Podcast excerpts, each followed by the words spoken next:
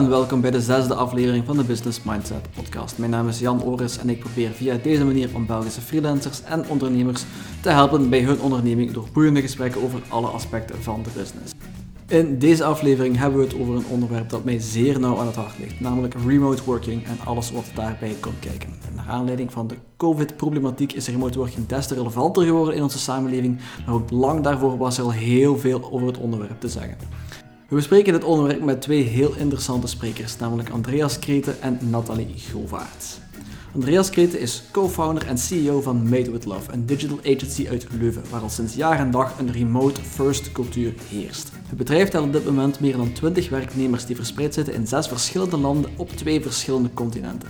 Naast zijn werk bij Made with Love is Andreas ook actief als CTO en adviseur bij verschillende andere bedrijven en staat hij regelmatig op het podium om zijn manier van werken bij Made with Love toe te lichten. Nathalie Govaerts werkt al sinds 2018 als digital marketeer van op afstand. Ze ontdekte de wereld van het remote werken tijdens een reis doorheen Azië en Amerika, waar ze heel wat digital nomads leerde kennen. Ondanks de vrijheid en flexibiliteit had ze toch nood aan een zekere vorm van huiselijkheid. En na haar terugkeer in België startte ze vervolgens haar eigen coworking space op in Antwerpen, die zowel beschikbaar is voor zelfstandigen als werknemers. Daarnaast is ze ook heel actief met het promoten en ondersteunen van Belgische bedrijven in hun opzet van remote working. Voor meer informatie over mezelf als over alle gasten kun je altijd terecht in de description van deze episode. Daar vind je steeds opnieuw een korte bio, als ook links naar alle social media accounts waar je hen kan bereiken. Dat was het laatste van mij. Hope you enjoy the episode. Oké, okay, goed, geen probleem. Um, welkom Andreas en Nathalie bij, uh, bij de volgende, de, moet ik heel even nadenken, ik denk de zesde aflevering van de Business Mindset podcast. Uh, op een duur begin je de tel te verliezen. Um, vandaag gaan we het hebben over remote working. Jullie zijn er alle twee uh, ofwel bekend mee ofwel zeer onderlegd. Of misschien zelfs bekend voor. In Andreas' geval. Misschien zelfs berucht, ik weet het niet. Um, maar goed, we gaan er, we gaan er alleszins proberen het, het fijne van te ontdekken en, en onze ervaringen daarover delen. Um, ik zal even vragen dat jullie zelf een klein beetje voorstellen. Misschien beginnen met, met Nathalie. jij bent hebt remote gewerkt. Digital Nomad was een van de dingen die jij, uh, die jij mij verteld hebt. Dat is uh, sowieso een heel, een heel interessant concept. En nu ben je actief als, uh, als eigenaar van een coworking space. Dus je, je bent er veel mee bezig, heb ik zo de indruk. Yes, dat is eigenlijk de, de hele korte versie. Hè. Digital nomad is het, uh, het meest, denk ik, fancy of sexy woord dat je kunt hebben als het over remote werken gaat. Dus, maar ik heb dus effectief uh, een half jaar um, de wereld kunnen afreizen en dan uh, ondertussen mijn, mijn freelance bestaan uit de grond gestampt. Um, dan terug moeten komen omdat de speeltijd voorbij was en er um, allerlei administratieve dingen moesten gebeuren en contracten getekend worden en effectief dan uh, de zaak opzetten. En um, iets sneller dan verwacht heb ik dan, toen als ik terugkwam, was het plan om verder te gaan reizen. Dat is niet gebeurd en ik heb omdat ik de coworking space heb geopend hier uh, Friday, waarvan ik dus nu nog altijd remote werk, maar dan niet meer langs de andere kant van de wereld, maar gewoon in Antwerpen. Antwerpen is nu ook wel een beetje uh, het stad en de rest is parking. Dus in die zin is het misschien nog altijd wel... Dat heb jij uh, gezegd. En als we zo gaan beginnen, dat gaat in een plezant gesprek worden. Uh, dat, is, dat is mij altijd verteld, ik zal het zo zeggen. Dus van, van en door Antwerpenaren. Ik zelf heb daar weinig of geen, geen mening over. misschien best Andreas dan de sfeer even, even wat, wat lucht hier maken. ja, ik ben dus Andreas... Ik heb een bedrijf met Love en we werken al 12 jaar remote. Um, maar we nemen, dat, uh, wij nemen geen digital nomads aan, vooral duidelijkheid. We hebben eigenlijk mensen in uh, verschillende landen, over verschillende continenten verspreid, maar die werken wel vast vanaf dezelfde locatie. Wij nemen dat telecommuting, uh, dat is gewoon een term daarvoor. Die zitten niet bij ons fysieke kantoor, maar die werken wel elke dag. voor ons het gebeurt wel is dat iemand van vakantie werkt of zo, maar dat is niet uh, dat mag ook uiteraard, maar dat is niet de soort mensen die we typisch aannemen, die dat de ene dag in Bali zitten en de andere dag in Jamaica. Uh, dat is niet, uh, dat is niet de, hoe dat wij dat zien. Nee. Maar je, bent er ook, je staat er ook aan bekend, hè? Allee, de, de, de, eerste keer dat we ja. elkaar ontmoet hebben, dat was, dat was, als ik me niet vergis, ik moet oppassen wat ik zeg, maar dat was ofwel 2012 of 2013 gaat het eerder geweest zijn. En, ja. en toen al zei je tegen mij, dat is zeven jaar geleden, toen al zei je mij, was een van de eerste dingen die je zei, het heeft totaal geen meerwaarde dat jij hier bij mij op kantoor zit. Nee. Uh, ja, dus dat ik, is... Eh, ja, wij werken dan twaalf jaar. We hadden een kantoor in Antwerpen voor de, voor de even gedaan. Um, en eigenlijk hoe dat gekomen is, is eigenlijk heel simpel. Hè. Um, we zijn begonnen zoals in de bedrijf, twee, twee founders die daar vanuit hun living uh, of zolderkamers, je wilt, een bedrijf hadden. Dus, maar we zaten niet fysiek samen in het begin. Dus wij, iedereen zat gewoon bij zijn thuis. Dus ja, zeggen dan een remote bedrijf. Maar in principe eigenlijk wel. Um, dan hebben we een kantoor uh, geopend in Antwerpen. Um, dan moesten we elke nachtje, Jonas die kwam van Gent, die kwam van Leuven, uh, moesten we elke dag een uur, uh, twee uur onderweg zijn om naar te geraken. En we hadden dan iemand uit, uit Rotterdam en iemand uit Parijs. Um, dus je kunt of er commutes dat er, dat aan de pas kwamen van Rotterdam. Maar die van Parijs hebben dan wel in Brussel. Maar die uit Rotterdam die kwam elke dag met de, dat was toen nog geen Thalys, met de internationale trein naar, naar, naar Antwerpen. En um, ons, onze huur liep eigenlijk af Um, en we hadden ook nog niet in Madeira toen al, dus we hadden nog iemand remote. En onze huur liep af van een kantoor en hebben gezegd van dat is belachelijk om dat te doen, maar allemaal zo dicht mogelijk bij ons thuiswerken. En zo zijn we naar full remote gegaan, uh, zoals we vandaag nog altijd zijn. We hebben wel kantoren, hè, dus ik zit hier in ons kantoor in Leuven. Um, maar de meeste mensen werken van thuis en het gaat vooral over de remote mindset, eerder dan uh, of je nu een kantoor hebt of, of niet. Uh, dat is toch mijn gevoel. Um, maar we zijn eigenlijk wel bekend. Ja. Want dat is ook wel op je website staat, een remote first company. Dat is een van de weinigen die, waarvan ik weet die, die daar zo mee, uh, die, die daar zo mee uitkomen. Dus uh, en veel mensen, ik weet, ik heb een tijdje bij CGK gewerkt en dat was echt iets, allee, remote werken voor één dag kon. als, er een, als er uitzonderlijk een, een, een, een doodschieter of ergens iets dergelijks langskwam, maar, maar gewoon zo voltijds remote, dat is, dat is, dat is echt een, een, ja, een, een, iets wat not done is voor heel veel bedrijven. Hè. Ja, en het belachelijk is dat heel veel bedrijven zonder te beseffen of remote zijn. Uh, ik heb zo'n artikel uitgeschreven over het feit dat van zodra mensen met een koptelefoon op zitten in een bedrijf, dat het eigenlijk een remote bedrijf is. Want die mensen communiceren meestal toch via Slack, uh, omdat, uh, ja, omdat basically, als je een koptelefoon aan wil zeggen, stoor mij niet, dus dan is de communicatie via Slack en ik combineer veel startups en scale-ups. En dan zie je dat gewoon heel het engineering team bijvoorbeeld allemaal zo zit. Ja, dan zijn er eigenlijk een remote bedrijf. En dan die mensen die zeggen van kom één dag per week naar kantoor, dat is allemaal leuk en wel. Maar het ding is natuurlijk, um, je, als, iedereen, stel je hebt een team van vijf mensen en iedereen moet één dag naar kantoor komen, uh, of je mag één dag van thuis werken en iedereen kiest een andere dag, dan is ook een remote bedrijf.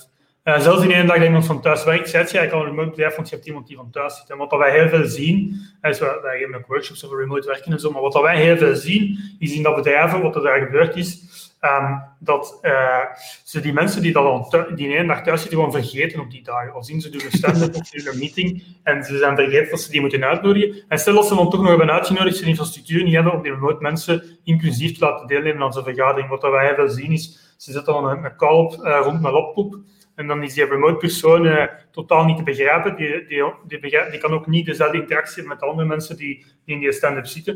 Dus dat is totaal belachelijk. Um, je, hebt dan, je hebt dan tussenoplossingen voor zo'n dingen, zoals een, een Jabra, dat, dat ken waarschijnlijk wel, ligt hier toevallig in mijn bureau. Um, of, of zoals daar een, een tv met een camera op. Maar dat is ook maar half bakken. En dus wat wij een paar jaar geleden beslist. Alle meetings dat we doen zijn remote, of iets zeggen, iedereen zit achter zijn eigen computer. Ook al zitten wij met team aan het kantoor, we doen een meeting, iedereen zit gewoon achter zijn computer. Waarom? Iedereen heeft dezelfde interface, iedereen heeft dezelfde vertraging. Um, ja, en dus ja, we zijn nogal streng of uh, nogal strikt in hoe dat we dat zien remote, maar, maar ik denk wel dat dat, de, als je dat juist moet doen, ja, is de juiste manier. Maar dus eigenlijk zijn er heel veel bedrijven die al remote zijn, maar die dat op een verkeerde manier aanpakken, waardoor dat ze daar slechte ervaring hebben. Daar komt het eigenlijk op neer. Uh, ja, en daar kunnen we, om daar op haar op in te pikken, ja, heel de COVID-situatie heeft dat eigenlijk getoond. Hè. Um, het kan effectief wel. Um, de, waar dat, wat, dat wij, allee, wat ik uh, heel vaak hoorde van, van andere bedrijven, is dat ze zeiden, ja, wij hebben de infrastructuur niet, maar wat blijkt, ja, je hebt, je hebt ze wel, maar je moet ze natuurlijk nog, dan begint het echt te werken om ze te goed te, in, te implementeren. Hè? Ja, ja, um, ja, en dan zelfs nog hele COVID. Ik heb in het begin van de, van de, corona heb ik, uh, denk vier of vijf keer een, een als ik anything gedaan, gewoon om bedrijven te helpen die dat daar niet wisten hoe ze het moesten organiseren. We daar veel respons op gekregen. Maar wat dat je nu wel ziet, dat je pas net naar de radio als ik naar kantoor reed. En um, ze spreken daar, ik hoor heel veel van mensen, ja, we zijn een Zoom-meetings beu. Ja. Nu natuurlijk, als we zelfs op de radio daarover beginnen te roepen, um, dat wil zeggen dat de teneur van het publiek ook is dat, uh, ja, dat de Zoom-meetings beu zijn. Dat wil zeggen dat we terug naar een office-context gaan gaan en dan komt het weer in hetzelfde schuitje terug. Dus ik denk dat we daar heel snel terug gaan verleerd zijn, jammer genoeg. Er zijn andere ja, bedrijven ja. die dan misschien nou wel gaan bijblijven van dat dat kan. Maar um, ja, en uh, daar zit natuurlijk ook een hele real estate uh, aspect aan. Um, en dat is het feit dat je bedrijven kantoren hebben gekocht, die moeten afschrijven. Ze kunnen niet zomaar ineens zeggen, we gaan hier uh, iedereen van thuis laten werken, want dan gaat hun, hun uh, ja, facility dienst niet content zijn, want dan uh, gaan die niet budget krijgen. Dus er zit heel veel meer politiek aan dan te denken dat na de corona iedereen gewoon terug van, nog van thuis gaat kunnen blijven werken. Ik denk dat dat ik heb uh, bij, bij VOCA um, doen, ze, doen ze netwerkmeetings online nu. En uh, daar vragen ze altijd op het einde van elke meeting: wat kunnen wij nog doen als VOCA om, om u ten dienste te zijn? En dan zeg ik altijd: kun je alsjeblieft een statement maken dat je wilt dat de bedrijven nog veel meer blijven thuiswerken, ook al nadat heel de COVID-situatie gedaan is, dat we hier echt wel verder mee gaan gaan op een structurele manier. Ik heb voorlopig nog niks gezien, dus ehm, ja. ik, ik treed u wel bij daarin. Ik denk wat dat heel belangrijk is en wat dat bedrijven vergeten, is de, de omgeving die iemand moet hebben om te kunnen thuiswerken. Ik denk aan door het feit dat mensen nu erin gegooid worden, zorgt ervoor dat het een geen aangename ervaring is voor veel mensen. Nu, wat wij verwachten als wij iemand hebben die remote werkt, is dat hij een aparte ruimte in zijn huis heeft, um, waar hij kan zitten zonder gestoord te worden, um, om, om te werken. Dus echt een kantoor, om het zo te zeggen. Natuurlijk, als je van één dag op de andere dag remote moet werken, heb je dat niet. Hè? Ik zit thuis, uh, voor alle duidelijkheid, ook een kinderkamer. Um, ik heb nu wel een kantoor in mijn, in mijn tuin gebouwd, dus het is bijna klaar. Um, maar ja, je, je, je merkt wel dat, dat daardoor eigenlijk, omdat, omdat dat zo, zo ineens was, dat, dat we daar niet op voorbereid waren en, en, en ook mensen slechte ervaring hebben. Als je nou dan een keukenstoel om de keukentafel zit te werken, dat is natuurlijk niet, ideaal. En dan hoop ik voor die mensen dat ze snel terug naar kantoor kunnen gaan. Dus ik denk dat we dat of naar een coworking space kunnen komen. ik, ben, ik zit hier in een coworking space voor België, dus, dus dit is uh, de Hoorn in Leuven. Um, het kantoorgebouw waar de coworking space is. Um, ik ben zelf een gigantisch grote voorstander van coworking space. Um, mits het juist gedaan is, zal ik even zo zeggen. Um, je ziet, ik heb mijn eigen bureau hier. Ik vind dat super belangrijk dat ik niet in een open space zit, zeker omdat ik heel naar bel. Um, dus ik, ik ben daar een gigantisch grote voorstander van. En van ons personeel, om, om een beetje dat te kaderen. We zijn, uh, uh, denk 18 of 19 ondertussen, uh, waarvan de meeste mensen al een jaar niet naar kantoor zijn geweest. En zijn die in het buitenland zitten natuurlijk niet. Um, en diegenen die in het buitenland zitten, die, um, die, die gaan meestal ook naar een coworking space. Ze betalen een abonnement voor, voor een coworking space. Um, ja, ja. Dus, uh, wel, en om daarop, daarop in te pikken, dat, dat hoop ik dat in België natuurlijk ook nog veel verder gaat gaan. En dat is eigenlijk uh, het hybride manier van werken. Hè.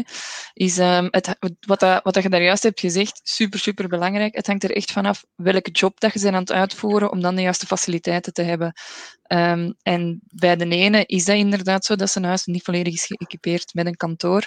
Maar dan zijn er nog wel alternatieven mogelijk, zodat ze die standaard kantooromgeving die we al jaren en dag kennen en echt niet meer van deze tijd is, dat we ja. dat zoveel mogelijk achterwege kunnen laten.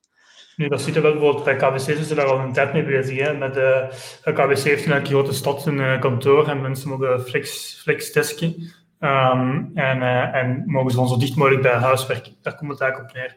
Uh, ik denk dat de Vlaamse overheid dat ook ondertussen bijna heeft. Um, nu, het grote probleem daarmee, ik was daar vanmorgen met een klant over bezig, die gingen ook uh, flexdesk implementeren, maar het probleem is, in corona mag dat niet. Uh, want je mag niet zomaar toetsenbord van iemand anders gebruiken of je moet alles elke dag ontsmetten. Dus um, ik denk dat daar ja, binnen bedrijven, als het dan gaat over de preventiedienst dan, dat er daar nog veel over, in grote bedrijven natuurlijk die meerdere locaties hebben, dat er daar nog, uh, dat er daar nog heel veel uh, ja, over gepalaverd worden voordat ze daar terug naartoe gaan gaan. -hmm. Ik, ik weet mensen die in een bank, bank werken, wat doen die daar bij de bank? Is het, twee weken thuis, één week op kantoor. Bijvoorbeeld van die toestanden zijn ze nu het, aan het doen. Nou. Ja, nu, COVID is op zich een, heel speciaal gegeven. Hè. Het is gelijk, gelijk dat je zelf al zei, je wordt er eigenlijk ingegooid met een hele grote groep mensen. En met de eerste lockdown, nu is het iets, iets minder. Um, maar je, je, moest thuiswerken, en zowel jij als, als, als de kinderen, als de vrouw. Dus dat was ineens een, een, een, enorm chaos. Um, maar los daarvan, los van het hele COVID-gebeuren, waar we nog lang niet, van af zijn, vrees ik, op voorhand waren er toch sowieso al, al, al heel wat, uh, wat beperkingen op het, op het remote werken sowieso. Hè? Want uh, Andreas, om even, even in te pikken, jij, jij werkt nu al jaren uh, remote. Um, ik veronderstel dat dat voor de werknemers, voor de mensen die je aantrekt, dat dat heel aangenaam is. Maar voor de mensen voor wie je werkt, is dat soms ook een, een hindernis, denk ik. Nee? Goh, ja, sommige klanten, um, sommige klanten haken daarop af. Ja, en dan is dat zo. Um, ja, dat is heel simpel. Um, wij geloven er ook in om de remote cultuur te integreren bij de bedrijven waar we voor werken. Dus dat is een stuk kennis dat wij, dat bijbrengen. En, en toen de, toen de coronasituatie toes, toesloeg, was ik net bij een klant bezig en we waren daar net begonnen. Een van de dingen die wij doen in zo'n traject is wat we noemen een, een, remote week. Hè. Dus een keer eens een week een experiment te zeggen van een heel departement werkt gewoon van thuis. Voor een hele week. En dan heb ik een gevoel. En dat heb ik serieus met, met, met twee weken in, de pandemie gebeld en te zeggen van kijk, ja, het is ongelooflijk dat we daarmee bezig waren, want anders waren we als bedrijf nu echt, hadden gigantisch veel problemen. Dus ik denk dat um, bedrijven dan nu willen realiseren dat dat, dat, kan. Ik denk dat, alleen om een idee te geven, ik, uh, voor de, voor de coronacrisis moest ik heel veel rondvliegen. Um, het is, het is geweest dat ik naar een meeting in New York moet vliegen van vier uur. En voor dat vier uur die meeting te doen en terug naar huis vliegen, wat natuurlijk ronduit belachelijk is. Um, wat dat ecologisch totaal niet verantwoord is, maar um, ja, dat was dan nodig. Hè.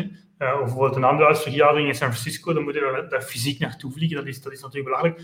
Zo'n dingen hoop ik dat in de wereld na corona, of, of toch in de komende jaren, niet meer, niet meer gaan, gaan, gaan het geval zijn. Dat zou dat zou voor mij al een geweldige impact hebben. Uh, dat zou al, een geweldig resultaat zijn. Um, maar ja, um, bedrijven moeten daar inderdaad mee durven omgaan. Ik weet bijvoorbeeld de Coolrad Groep. Um, die, uh, ik heb met de Coolrad gebeld in het begin van de pandemie. En, en daar was het uh, inderdaad policy no, no, no, no working from home. Er staat ook in een artikel van de tijd. Dat we mij geïnterviewd hebben. Waar, waar Coolrad dat ook zelf, we zijn daar gewoon niet op voorbereid. En omdat de VPN-capaciteit er niet aankomt. Maar dat zijn dingen die nog wel opgelost zijn. Dus ik, hoop dat bedrijven daar iets flexibeler mee gaan omgaan. Ja. En wat is, wat is los van de technische capaciteiten zo de, de, de grootste mentale weerstand tegen het remote werken? Want ik heb heel veel mensen die zeggen van kijk, we, vertrouwen het niet, we zien de mensen niet. Dat zijn zo de dingen die ik het vaakst hoor. Maar is dat heel simpel. Ik noem dat de troepen kunnen aanschouwen. als, zaak, als zaakvoerder wil je kunnen binnenwandelen in je bedrijf en wil je kunnen met een klant of met een investeerder door je, door troepen wandelen en kunnen zeggen van ah, hier is het thuisdepartement en hier is dat departement. En, het, het, het, um, en we zien dat heel veel mensen, we, we, we mentoren vooral engineering teams en we zien dat heel vaak dat zaakvoerders het engineering team of, of management het engineering team lui vinden. En waarom is dat? Omdat die pas toekomen om 10, 11 uur. Maar die blijven daar misschien wel lang zitten, maar dat zien die mensen niet, want die vertrekken om 5 uur naar huis. En, en dat, is, um, dat is het ding dat, dat ja, heel het ding met, met uh, vertrouwen, daar gaat het over. Als je geen vertrouwen hebt in de mensen, dat was ook een van de vragen, een van de vragen die wij kregen. Hoe, hoe kun je meten of mensen hun werk doen en weet je wat? Ik denk dat je moet beseffen dat remote werken een andere, uh, ja, een andere manier van werken is. Wij noemen dat goal-oriented. Dat je zegt van oké, je doel voor deze week is dat doen. Um, maar ik ga dat niet uh, gaan uitdrukken in tijd of in... ik ga dat niet gigantisch gaan monitoren wat ze er nu exact aan doen. Je moet gewoon zien dat tegen het einde van de week je, werk gedaan is. Um, en als je dat efficiënter gedaan hebt als, uh, als iemand anders, dan heb je geluk en dat je meer tijd om met andere dingen bezig te zijn. En ik denk dat dat een heel grote mindshift is die moet gebeuren, maar dat heeft eigenlijk niets met remote werken te maken. Dat is gewoon een goede management praktijk in het algemeen, maar je ziet wel dat dat remote heel erg helpt. Um, ik weet niet of dat bij was, als je, als je freelance staat, is natuurlijk anders. Hè? Uh, ja, maar ik heb daarnaast, je, weet nog niet alles, um, ik heb daarnaast ook um, twaalf bedrijven begeleid tijdens de, tijdens de COVID in een, uh, in een kennisdelingstraject. Um, waarbij dat zij dus de issues waar dat ze toen mee zaten, omdat ze dus inderdaad niet daarop waren voorzien, maar iedereen zat thuis te werken, om die eigenlijk redelijk hands-on aan te pakken. Um, en daar kwam eigenlijk, wat dat jij nu ook juist zegt, ja, dat, kwam daar, dat was eigenlijk hoofdzakelijk hetgene waar het allemaal over ging. Um, uh, problemen met um, ja, dat je niet kunt zien wie dat er aan het werken is en hoe dat je dat eigenlijk kunt oplossen. Maar ook andere dingen. Hè. Pas op, wij zijn hier, we, kunnen, omdat wij het allemaal gewoon zijn om, uh, om remote te werken, het, uh, het heeft echt wel een impact op mensen die het dan nog niet hebben gedaan. en op een gegeven moment was bijvoorbeeld het HR HR-team van een, hele groot, van een heel groot bedrijf die zei, ja, kijk, wij hebben niet echt een team onder ons, maar wij lopen inderdaad ook door dat kantoor en wij kunnen zien um, voor wie dat het moeilijker gaat, um, wie dat er bijvoorbeeld uh, op, op het randje afzit van, van te verzuipen in zijn werk. Maar wij zien die mensen nu niet meer. En zij hebben niet echt, die verliezen eigenlijk de connectie, omdat ze niet meer fysiek tussen de mensen kunnen staan. Um, en die zaten met zo'n vraag bijvoorbeeld. -hmm. Ja, dat is inderdaad. Um, van de. Ja, heel veel wordt er inderdaad in bedrijven van uitgegaan dat door de, de watercooler moments en de, de informele dingen die, die ontbreken nu. Dus dat is denk ik, uh, dat is denk ik een van de grote ja, pijnpunten aan, aan heel het remote werken is dat al die informele dingen ontbreken, waardoor je heel moeilijk kunt aanvoelen hoe gaat het met iemand en, en, en heeft zit iemand ergens mee. Nu, daar zijn ook tools voor om dat op te lossen. Um, en, en er zijn er heel veel. Um, dus een van de dingen die dat ik in die Q&A's uh, tegen, tegen al die managers zei, is heel simpel. De tijd die dat je um, nu niet, niet besteedt aan in de wagen zit om naar kantoor te rijden, um, gebruik die om one-on-ones te doen met die mensen. Iedereen die dat nu rapporteert, doet dan een one-on-one mee. Ook al zijn dat er 50, doet dat dan verspreid over één per week. Dan heb je misschien iedereen één keer per, per jaar, of doet er elke dag één. Ja, ik doe er uh, om je de elke dag één. Hè. Um, dat is gewoon super belangrijk, omdat je dan op een informele manier, en dat gaat, die one-on-ones, vooral duidelijkheid, dat gaat niet over de taken die ze moeten doen. Dat gaat over hoe gaat het, waar gaat het naartoe met je, met uw carrière, um, hoe gaat het thuis, lukt dat remote werken, um, heel, heel persoonlijke dingen soms ook, maar wel belangrijk om, om de well-being van iemand te, te, te weten te komen. En dat zijn, dat zijn dan zaken die dan bij niet zo formeel gebeuren in een normale kantoorcontext, waardoor dat de extraverte mensen bijvoorbeeld uh, veel vaker aandacht gaan krijgen dan de introverte mensen in een mm -hmm. kantooromgeving. Um, en en ja, dat lost op door one-on-ones te doen. Um, wat wij ook hebben is een soort van random koffiemoment. Elke week word je gematcht met een andere uh, persoon binnen het bedrijf, waar dat je de, een virtuele koffie mee moet drinken, een café Neo. Um, en zo zijn er van alle tools die je kunt hanteren om ervoor te zorgen dat er toch nog die informele momenten zijn. Op vrijdagnamiddag hebben wij gewoon een, een Zoom-call die de hele namiddag open staat, zodat iedereen met een pintje kan binnenwandelen als hij met goestingen heeft, en als goestingen heeft, dan doet dat niet. Dat zijn zo'n dingen. Je moet het ook willen natuurlijk. Um, ja. Ja, de mogelijkheden zijn, zijn er genoeg, maar je moet het wel willen om, uh, om, om zo'n dingen ook te introduceren. En het is niet denk, de, het, het gaat hand in hand. Hè. Um, het is niet uw werk doen dat je alle dagen normaal gezien van op kantoor zou doen, gewoon ineens remote pakken. En dan, dan snap ik dat als, als er wordt gezegd van we zijn, we zijn alle meetings beu, want je hebt gewoon veel bedrijven in België die nog altijd in zo'n en vergadercultuur zitten. Um, en als je dan er nog eens het, informele ook zou bijpakken, dan zou, het, dan, dan zou het wel veel kunnen worden. Maar het gaat om zoveel meer dan gewoon zeggen van we zitten niet meer fysiek bij elkaar en set toe, remote werken. Nu dan, um, als je dan over vergadercultuur begint, daar we ook nog heel veel te leren. Um, ik heb daar al laatst denk ik een LinkedIn-post over geschreven. Dat um, het, het, het, feit dat vergaderingen zo zwaar aanvoelen en ze virtueel zijn, dan, ik hoop dat mensen dan beginnen beseffen dat de manier waarop dat ze überhaupt werken verkeerd is. Dus, uh, die vergaderingen zijn nu vermoeiender omdat het in een Zoom-call is, um, ja, omdat dat meer uh, mentale aandacht vraagt uh, en mag je naar de sterren staan in plaats van naar mensen. Maar um, ja, ik hoop dat mensen dat ook doen inzien hoe onefficiënt dat, de meeste bedrijven vergaderen. Wel zien.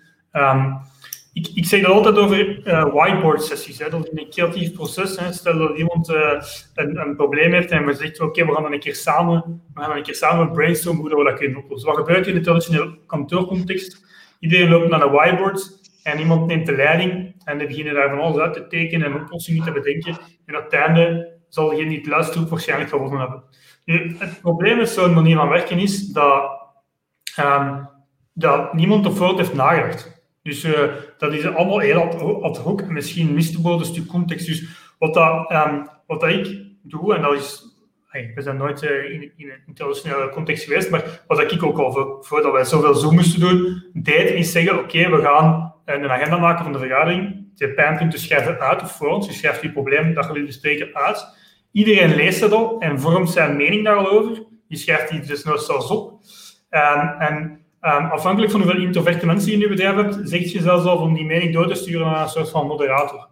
Um, als je dat op die manier aanpakt en je zegt, oké, we gaan dan aan dat whiteboard staan, is dat een virtueel of is dat fysiek, dat maakt nu niet uit. Dan weet je tenminste al de, de mening van iedereen en dan hebben zelfs die introverte, mensen hun gedachten kunnen zeggen. En, en misschien zijn de, zij degenen die het, aan het rechte eind hebben. En als je een goede moderator hebt, kan die die mensen dan ook aanhalen om ervoor te zorgen dat die hun idee ook kunnen zeggen. Waardoor dat je meestal tot een veel betere oplossing komt, veel beredeneerde oplossing komt in veel minder tijd, um, zal ik het uh, zo zeggen. En dat is iets, dat is, ik noem dat Jeff Bezos-style meetings, dus de Jeff Bezos doet dat ook zo. Dus als hij een meeting doet, is de helft van de tijd van de meeting is om het lezen van de voorbereiding en de andere helft van de tijd is om beslissingen te nemen, niet om te discussiëren. Um, en ik denk dat, je dat, um, dat we dat verder aan de dag moeten leggen in meetings in het algemeen. Uh, ja. Mijn meeting zonder agenda is geen meeting. Het, is wel, het is wel leuk dat je inpikt op, op uh, introvert en extrovert, want dat vind ik heel interessant. Uh, in welke mate merk je het verschil tussen introverte werknemers en, en extroverte werknemers in de mate van dat ze, dat ze remote kunnen werken. Want uiteindelijk de extraverte mensen, die gaan, die gaan er meer plezier in hebben en meer nood in hebben om, eh, zoals je zegt, die watercooler momentjes te hebben, om dat sociale, dat sociaal contact te hebben. Dus ik, allee, remote werken is niet alleen een managementprobleem, maar ik ben heel, het heel eens met, uh, met Andreas. Uh, dat je een aantal, een aantal, mensen, managers kunt hebben die, die dat blokkeren. Uh, de werknemers kunnen er soms ook gewoon niet mee om. Uh, en, en dat hangt ook van, van persoon op persoon af. Dus in welke mate zie je daar een, een, onderscheid in, in, in, werknemers en personen? Ja, niet iedereen is gemaakt om remote te werken. Ja. Ik denk dat dat al uitgangspunt nummer 1 moet zijn. Als wij hiren, dan is dat iets waar we specifiek op checken. Bij checken kunnen mensen goed communiceren. En dat is zowel verbaal als geschreven. Dus kan iemand, en uh, bij ons is bijvoorbeeld de maatstaf van verbale communicatie, kan niet op een uh, podium van een conferentie gaan staan. Dat is de maatstaf voor onze van de mensen die wij verwachten die bij ons komen werken. Van de geschreven communicatie kan die een deftige blogpost schrijven. En um, dat is natuurlijk omdat wij een remote bedrijf zijn en altijd zullen blijven. In een, in een normaal bedrijf gaan ze dat niet uh, eisen voor de mensen en dat is ook totaal niet nodig natuurlijk. Maar dat zorgt inderdaad wel voor dat ja, niet iedereen is daarvoor gemaakt. Um, de introverte mensen vinden het gemakkelijk, want ze kunnen gewoon thuis zitten en bij spreken, uh, ze moeten al die interactie niet doen. Maar dat is ook heel gevaarlijk qua isolatie en, en, en, en, en misschien zelfs vergeten worden. Dus um, extraverte mensen hebben het dan veel moeilijker, omdat die willen, ja, die willen inderdaad mensen zien. Mensen, um, maar ja, dus ja, ik weet niet of dat... Um, ik denk, uh, als je een remote bedrijf bent en de mensen kiezen om voor in een remote bedrijf te werken, is dat natuurlijk een andere insteek dan als je verplicht wordt ineens om remote te werken. Ja, ja, dan is het een keuze. Hè? En dat is, dat is gewoon, je weet op voorhand dan wel, als je, als je voor dit bedrijf wilt gaan werken, dat het remote zal zijn. Um, en dan trekt je ook natuurlijk altijd, dan heb je ander shift gedaan hè, in de arbeidsmarkt. Um, maar ik, ik, uh, ik ben ook volledig akkoord dat het niet voor iedereen is gegeven. Hè? Um, dat, er, ja, dat, je, dat je echt, uh, dat, dat voor sommige mensen gewoon niet werkt. Um, maar ik je ook in een coworking space dat er, dat er mensen gewoon afknappen omdat ze, omdat ze niet, niet, niet kunnen aarden daar? Of is dat, is dat meer een, een kantoorsfeer die, daar, die er dan wel heerst? Oei, nee, wacht. Van kantoorsfeer, daar blijven we weg. um, nee, maar je hebt uh, meer sociaal contact. Hè. Het is niet dat je thuis zit en, en nul contact hebt met niemand. Allee, ik werk hier nu bij mij. Nee, maar kijk, in de, voilà, maar in de situatie waarin we nu zitten, zijn er mensen die zeggen tegen mij, het werkt prima voor bij mij vijf dagen op vijf van thuis uit te werken. Mm -hmm. Dan zeg ik ook, vooral doen. Zeker ja. doen. Maar degene, dus die gaan nooit naar, naar hier komen. Maar degenen die wel al naar hier komen, hebben de keuze al gemaakt. Ik ben op zoek naar een alternatief voor aan mijn keukentafel in mijn bureau vijf dagen op vijf thuis. Dus die zijn al op zoek naar iets. Nu, wat zijn die op zoek? Naar sociale controle, um, naar uh, rust, want er kan van alles thuis uh, nog bezig zijn. Um, uh, denk gewoon bijvoorbeeld aan uh, alle, al onze poetsvrouwen die, die een halve dag per week komen en je dan op je appartement aan het werken. Um, ik krijg dus heel veel mensen die zeggen van ja, het is die dag van de week dat ik, dat ik ergens anders kon werken. Dus um, het is wel zo ook, um, wat, dat, wat Andreas daar juist ook zegt, van het is niet voor iedereen weggelegd. En dat is voor coworking ook juist hetzelfde. Dat is ook niet voor iedereen weggelegd. Er zijn er ook, um, wat dat ik zelf ervaarde als ik zo lang ben gaan reizen, is, ik ben een hele extraverte, maar het is pokken vermoeiend om elke keer in een andere omgeving aan te komen en gewoon al maar te gaan zoeken, dit is een plaats waar ik rustig kan bellen, dit is een plaats waar ik zeker heb dat ik gewoon heel, dat ik gewoon een uur geconcentreerd kan werken. Waar is het toilet? Waar is, waar is koffiemachine? Al die dingen gaan uitzoeken, want dat geeft een soort van stress um, van dat allemaal te zoeken, want je focus moet, zou eigenlijk moeten zijn, ik mijn werk gedaan kunnen krijgen in de beste omstandigheden. En dat is eigenlijk waar een coworking space zeker een plaats heeft in de vraag, ik moet mijn werk gedaan krijgen in de beste omstandigheden. Maar wie dat die vraag stelt, daar gaat het vooral om, welke persoon dat, dat is. Ik, ik wou daar eigenlijk ook op zeggen van de mensen die bij ons. Uh, ik, ik, ik spoor de mensen ook wel effectief aan om naar een coworking te gaan. Uh, dus natuurlijk mogen ze van thuis werken, maar we hebben bijvoorbeeld iemand die Madeira, die gaat elke dag gewoon naar een coworking, omdat hij zoiets heeft van ik ben niet iemand om thuis te zitten. Um, ik ben ook niet, ik kan dat niet, kan niet van thuis werken. Ik, oh, ik doe dat nu wel, maar het moet. Hè. Het is nu de eerste keer een maand dat ik naar kantoor kom. Maar um, ja, ik ben daar gewoon niet voor gemaakt. Ik ben inderdaad afgeleid en weet vooral op kantoor heb ik dat niet. Um, maar daarom, daarvoor dient dan een coworking space voor mij om te zeggen, we gaan gewoon zo dicht mogelijk bij huis En in de coworking space heb je collega's, oké, dat zijn dan niet de collega's van hetzelfde bedrijf, maar je kunt daar wel aan de koffietafel dan praten over uh, whatever, of aan de waterkoeler. En dat is dan nog cooler, want je hebt een keer eens contact met misschien andere mensen waar je weer dingen van kunt leren. En als je een goede coworking space hebt, dan, dan, wordt er misschien ook wat kennisdeling gedaan, of, of, of, je, uh, of zijn een keer wat events of zo. En dat, dat is natuurlijk het, de additional value van, van, van een coworking space, of een soort van community waar dat je terechtkomt. En, um, en dat dus, je hebt dan dus je collega's, en je hebt dan nog een keer eens de collega's van de coworking space. Ik denk dat dat super veel waarde is. Dus um, wij sporen mensen sowieso aan om, om, uh, om contact te hebben met online mensen. Logisch, niet een dag van thuis te werken. Ja. ja. Heb je ooit al, uh, al mensen gehad uh, in het bedrijf of in de coworking waar dat het, waar dat het niet werkte en, en die, die, ja, die het gewoon voor anderen moeilijker maakte om, om, om hun werk te doen? Het, het remote werken? Ja, bij mij zijn er, um, uh, bij mij zijn er mensen en die, die, die, die of nee, eigenlijk sturen ze meestal dan uh, eerst een mailtje of, of een WhatsApp. Die vragen, ja, ik zou graag naar uw coworking space willen komen, maar ik bel heel de dag. dus Andreas eigenlijk. Ja, ja. Uh, maar bij, bij, ons, bij ons is het een open space. Ik zit hier, hè, we, hebben, we hebben een aparte belruimte, maar dat is niet iets waar je heel de dag wilt zitten. Dus dan zeg ik van, oei, maar er zijn alternatieven, er zijn andere coworking spaces die dat mm. wel hebben. Dus ja, want... um, zoek zeker, dan, dan raad ik ook anderen aan. Um, ik geloof dat er gewoon voor iedereen wel, wel een plek is en dat de markt gevarieerd genoeg is. Ja, ik vind dat, dat vind ik een van de dingen. Allee, um ik ben zelf CTO geweest van de grootste coworking space in Nederland, dus ik, uh, onafhankelijke coworking spaces, ik weet het heel goed. Um, ik denk dat je het, het, ik heb een groot probleem met open office space, anyway. Uh, of het dan nu in een coworking is of in een kantoorgebouw. Um, ik vind dat iedereen zijn eigen hoekje zou moeten hebben. Je moet natuurlijk ook gedeelde ruimte hebben. Um, we hebben ons kantoor nu zelf ingericht, we hebben hokken, we hebben ruimtes zoals dit. En we hebben ook één gedeelde ruimte waar dan meerdere mensen samen kunnen zitten.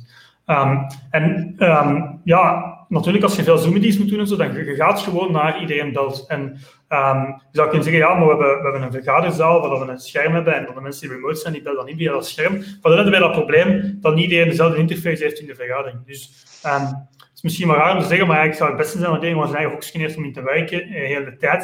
Um, natuurlijk hangt het ook voor je job af. Als je uh, iets van administratie moet doen waar je inderdaad niet veel voor moet bellen, dan, dan, um, dan kun je perfect in een shared uh, space zitten. Um, maar als jij moet vergaderen, hè, en dat is dan het ding, vergaderen verandert gewoon van, van context. Vergaderen is van achter de computer vergaderen in plaats van naar een vergaderzaal uh, gaan. Dus ofwel hebben we een coworking space met gigantisch veel vergaderzalen, uh, dat is wat we in, in, in Amsterdam gedaan hebben. Is daar zijn gewoon gigantisch veel callboots, maar echt zoveel dat bij een spreken voor iedereen een callboot is.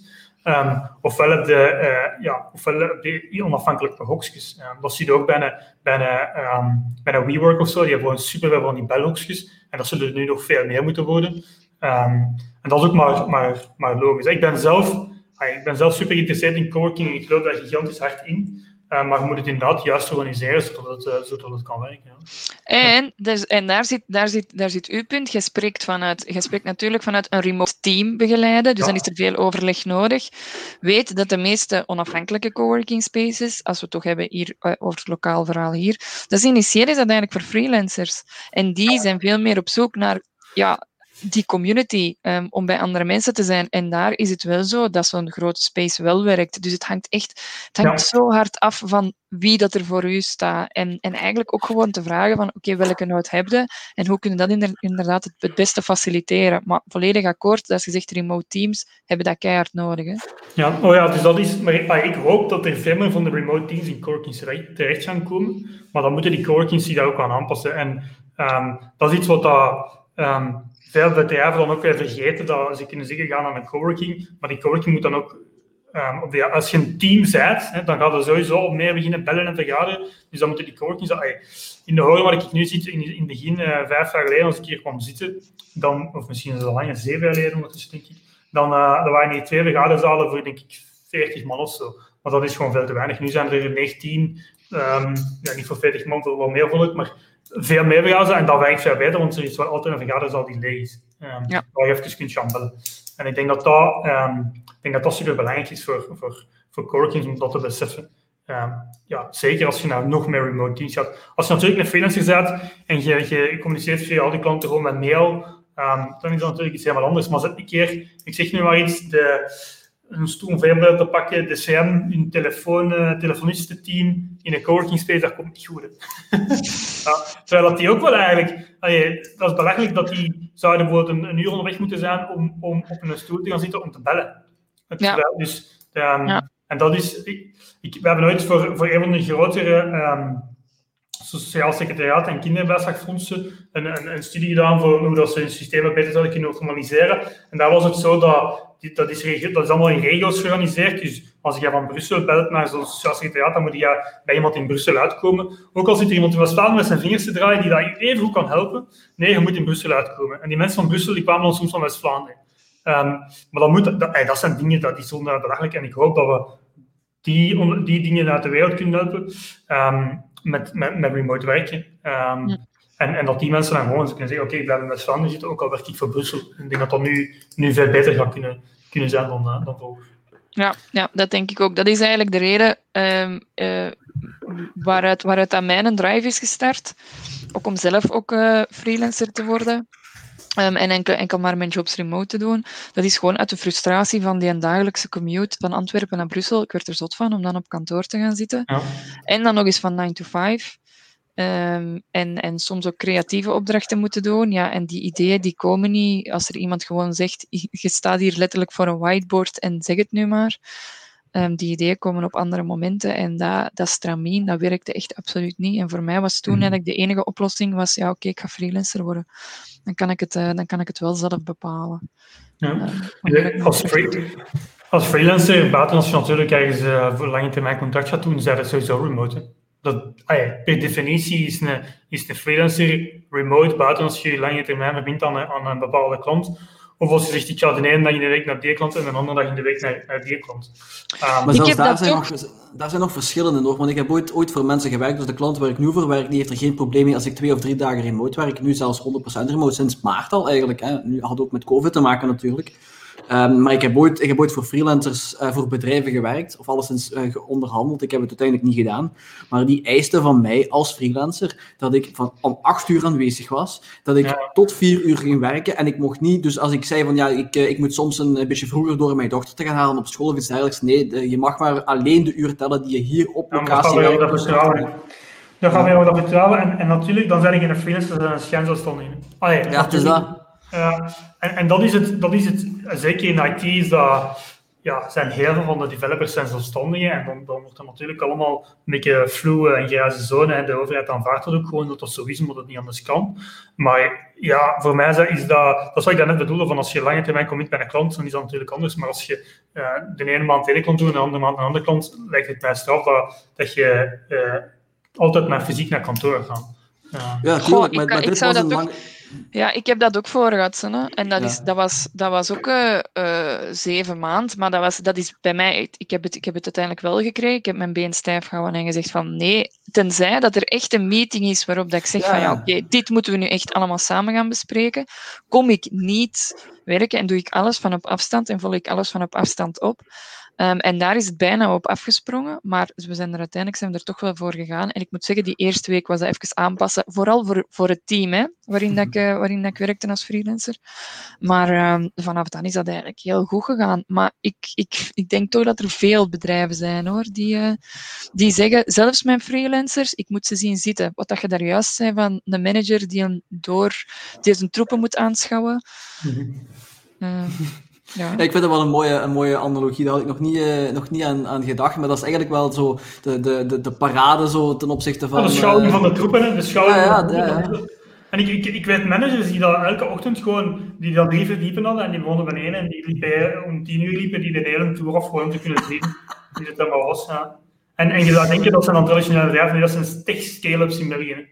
Ja. Um, dat is die traditionele eh, KMO, uh, die, nee, het wordt echt een tech Dus ja, um, ja dat, is, dat is ook ergens een, um, een vorm van controle of um, ik weet zelfs dat er op een bepaald moment in dat bedrijf ging en een mail rond, er komt een investeerder mogen, je lief allemaal naar kantoor te komen. Ja, ja. ik heb zelfs ooit een mail gehad dat ik, eh, dat ik een bepaalde kledij moest dragen omwille van een video of iets dergelijks. Uh, ja, toen, ik, toen, toen, was ik nog werknemer, dus was niet als freelancer. Maar dus ja, dat soort dingen, dat gebeurt dus ook. Dat je, dat je, ja, maar dat is, dat, is, vaak vragen mensen ons, hè, kunnen een keer een teamfoto sturen of, uh, of, of kunnen een case video of, uh, van je team. Maar we hebben dat niet. Ons team komt één keer per jaar samen. Dit jaar niet, want het is corona. Ja? Um, we hebben één teamfoto per jaar. Als er iemand nieuw is en dag daarna, dan staat hij niet op die teamfoto. En dan moet hij een jaar wachten om op die teamfoto te komen. Um, ja, uh, dat is gewoon hoe dat het is. En, en mensen vinden dat super bizar. Maar ja, dat is wel... Um, ja, ik denk dat dat de nieuwe, hopelijk de nieuwe manier van werken is. Maar dan gaan hebben bedrijven dat nooit doen, hè, voor de duidelijkheid. En dat is een goed recht. Hè. Ik denk dat ook niet elke, niet elke, niet elke business kun je remote doen. Hè. Dat is heel nee. simpel. Um, er zijn vooral kennisberoepen gaat dat natuurlijk, maar alle beroepen waar je fysieke arbeid moet doen, is al, is al praktisch onmogelijk.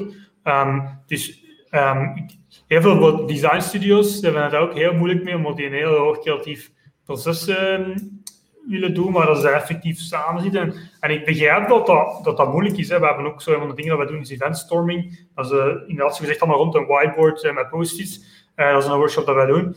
Ja, dat, dat, dat, gaan, dat gaat veel moeilijker remote als in bijna niet. Dus dat, je gaat diezelfde finesse er niet in krijgen. Dus ik denk dat um, er zijn zeker nog dingen waar dat daar gewoon niet voor gaat. Hè. Ja. het heeft zijn beperkingen, sowieso. Ik bedoel, dat, uh, ik denk dat dat niet meer dan logisch is.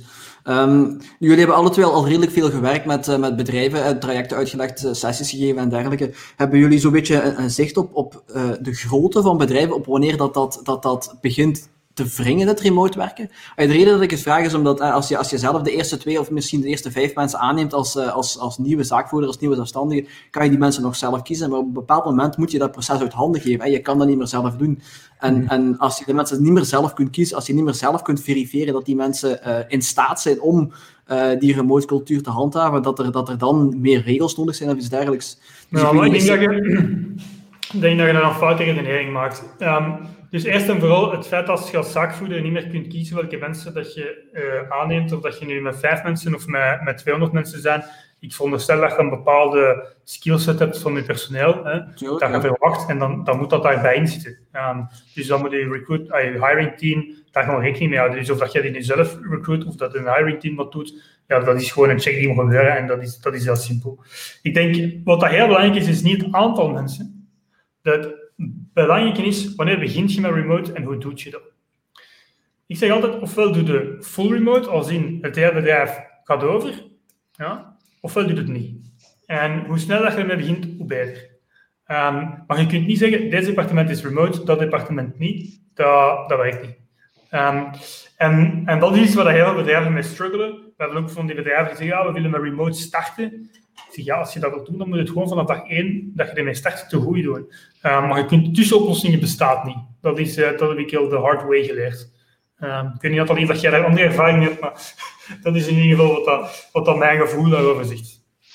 Bij mij is het zo dat, ja, inderdaad, ofwel doet het goed, ofwel doet het niet. Dat is, uh, dat, ja, dat is, dat is een zekerheid. Um, er wordt gewoon een bedrijf onderschat veel te veel dat het veel verder gaat dan gewoon IT-infrastructuur die gewoon moet zitten. Um, wat dat wij hier nu allemaal hebben aangehaald, dat gaat over uw onboardingproces, dat gaat over um, uw cultuur, dat gaat over uh, uw manier van vergaderen, dat gaat van alles en dat gaat over manier van leiding geven, dat gaat, over, dat gaat over, ook over veel meer dan gewoon vertrouwen geven. Um, Er, is, er is zoveel waar, je, waar je moet mee bezig zijn. Het is echt een totaal andere manier van werken. En dat wordt, ik weet niet, hard onderschat. En ik heb precies het idee dat bedrijven niet de impact daarvan beseffen tot wanneer ze ermee beginnen. Ja, ik denk dat bedrijven, omdat het nu ook plots gegaan is, daar totaal niet klaar voor, waren. Um, maar ja, dat is inderdaad, en, en zolang dat bedrijven niet die verandering doen, gaat dat ook mislukken en gaan ze gewoon terug naar kantoor komen. En ik zeg, daar is niks mis mee, met iedereen op kantoor te zetten. Um, dus um, ik denk dat, ja, ik, ik, hoop dat er meer bedrijven gaan remote blijven werken, maar het is inderdaad niet zomaar van te zeggen van oké, en nu werkt er rond thuis met je laptop. Ik weet zelfs bedrijven, dat is hilarisch, hè, die hadden geen laptops, allemaal desktopcomputers. Dus die hebben allemaal laptops moeten kopen voor hun personeel. Dat zijn van die stomme praktische dingen, maar ja, dat is, al, dat is eigenlijk absurd. Hè. Dat is absurd. Anderzijds, je hebt ze gekocht en je zit vertrokken. Hè? Dat is, dat is wederom dat niet... Ook niet. Als je, als je allemaal mensen hebt die, die, die niet tech-savvy zijn, die ja. laptop allemaal moet gaan configureren en bestanden die op je desktop staan moet gaan overzetten. Als je, als je serverinfrastructuur die je misschien on-premise, dus in je kantoor hebt staan, niet toelaat dat je van extern daarop komt, ja, dat, dat maakt het allemaal ingewikkeld. En dan natuurlijk, dat is voor die bedrijven de, de worry nummer 1, is de bezorgdheid nummer 1. Uh, en dan, eens dat ze, dat ze daarover zijn, dan wordt waarschijnlijk de eerste lockdown al gedaan. En, en, en nu komen ze met het tweede ding, is de motivatie van hun personeel en, de, en de, de, het vertrouwen van hun personeel. En ja, ik denk dat... We hebben zelfs een van de grootste ISP's in België, dus uh, het, is, het zijn er maar twee, dus ik vind dat raden. Um, die hebben ons gecontacteerd om, om remote workshops te geven voor al hun management. We hebben dat niet gedaan, want wij kunnen dat helemaal niet. Um, maar dat toont maar hoe hard dat die bedrijven daarmee struggelen. Uh, mm En zij, zij hebben beslist om tot, uh, denk tot 1 juni volgend jaar sowieso remote te werken. Ja. Um, de, een van de grootste universiteiten heeft mij gecontacteerd en die, uh, die zouden tot eind volgend academiejaar. Ja, dat was heel. Ja. Dat is een mooi commitment, hè. Maar dus, ik, ik geloof dat Andreas in het begin van, uh, van de sessie al even gezegd had. Ik ben ook heel benieuwd over hoe dat, dat gaat evolueren. Want uiteindelijk, we, we hebben daarmee het fileprobleem een beetje aangepast. Hè. De, de, het milieu, de, de flexibiliteit, mensen krijgen heel veel meer tijd en zo. Allemaal heel, heel mooie voordelen. Maar ik denk, uh, allee, ik, wat ik mij afvraag is, welk commitment dat bedrijven daaraan geven nu dat ze dat hebben even moeten proeven. En nu hebben ze het moeten proeven, maar is het, is het ook doorgedrongen in de hoofden van mensen en, en de managers vooral dan, denk ik, om, om het nee, toe te laten in de toekomst? In de hoofden is het misschien niet doorgedrongen, maar het is wel op de Excel-tabellen doorgedrongen hoeveel er is bespaard op bedrijfswagens, op de naft, op uw faciliteiten van uw kantoor, elektriciteit, licht, al die dingen.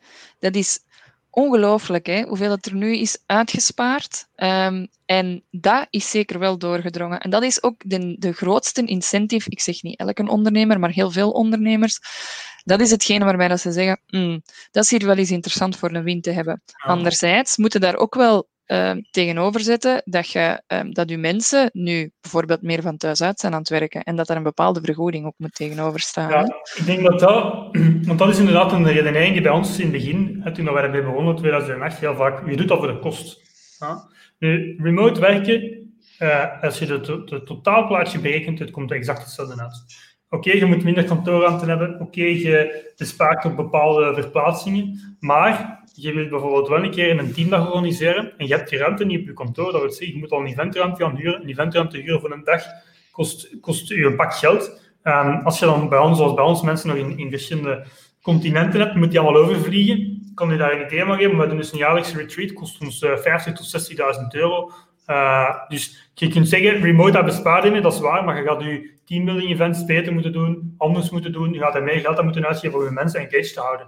Uh, en ook op andere manieren. Je gaat ze meer perks moeten geven om hun betrokken te houden bij het bedrijf. Dus die, die vlieger van remote is goedkoper, die, die gaat bij mij niet helemaal op. Um, omdat je gewoon, ja, je moet de mensen ook thuis een bureaus voor geven en weet ik veel En ik vrees, ik vrees dat de...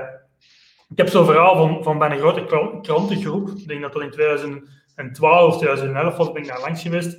En um, dat was op, de, de, op het moment dat de treinramp in Buizing was. Die gaat dan nu tien jaar geleden, was, zal in 2010 geweest zijn. En de, de, ik denk de trouw van een van de prinsen in de UK. En ik weet dat bij de treinramp in Buizingen heel die infrastructuur plat was. Uh, dus heel die website lag plat. Omdat er gewoon ja, iedereen het nieuws zou bekijken. Um, en ik voel mij toen af van hoe komt? En, en ik, was daar, ik was daar langs geweest, ik was daar gaan uitzoeken hoe komt. En um, bleek dat die een service intern hadden staan, dus in het gebouw. Dus dat wil zeggen dat alle connecties naar die server via hun gewone internetlijn lopen, waar dat hun personeel ook op het surfen was. Dus doordat hun uh, servers plat lagen, um, kon ook hun personeel niet meer surfen, geen e-mail meer krijgen, dus heel hun ding lag plat. en dan, uh, denk ik een jaar later of zo, was de, de, de trouw van uh, van de van de Britse ik weet niet wie het was, dat werd gelivestreamd. Uh, en zij, zij hebben toen een mail rondgestuurd naar hun personeel. Wil alsjeblieft uh, vandaag geen YouTube kijken, want we hebben dan niet genoeg bandbreedte voor onze website te serven. En dan slaag ik mijn, mijn, ook mijn kop, want ik, ik een van de eerste bedrijven die Amazon Web Services deed in Europa. Um, en ik ben naartoe gaan van, kijk, zet gewoon je site in de cloud, dus het probleem is opgelost. Antwoord van het IT-management was, nee, we kunnen dat doen. We hebben twee jaar geleden geïnvesteerd in een nieuw datacenter in de kelder. Dat moet tien jaar meegaan en dan gaat er tien jaar blijven staan.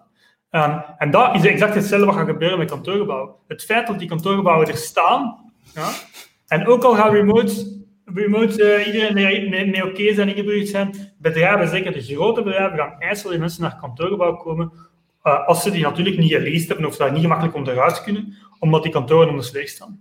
Dat is jammer genoeg de realiteit die ik zie die gaat gebeuren. Um, en ja, dat is gewoon economie. Hè. Ja. ja. en is dat iets wat op lange termijn kan veranderen? Want uiteindelijk, als je ja, natuurlijk, bedrijven gaan vinden dat je wat bouwen. Hè. Bedrijven gaan vinden ja. dat je wat bouwen. Ja.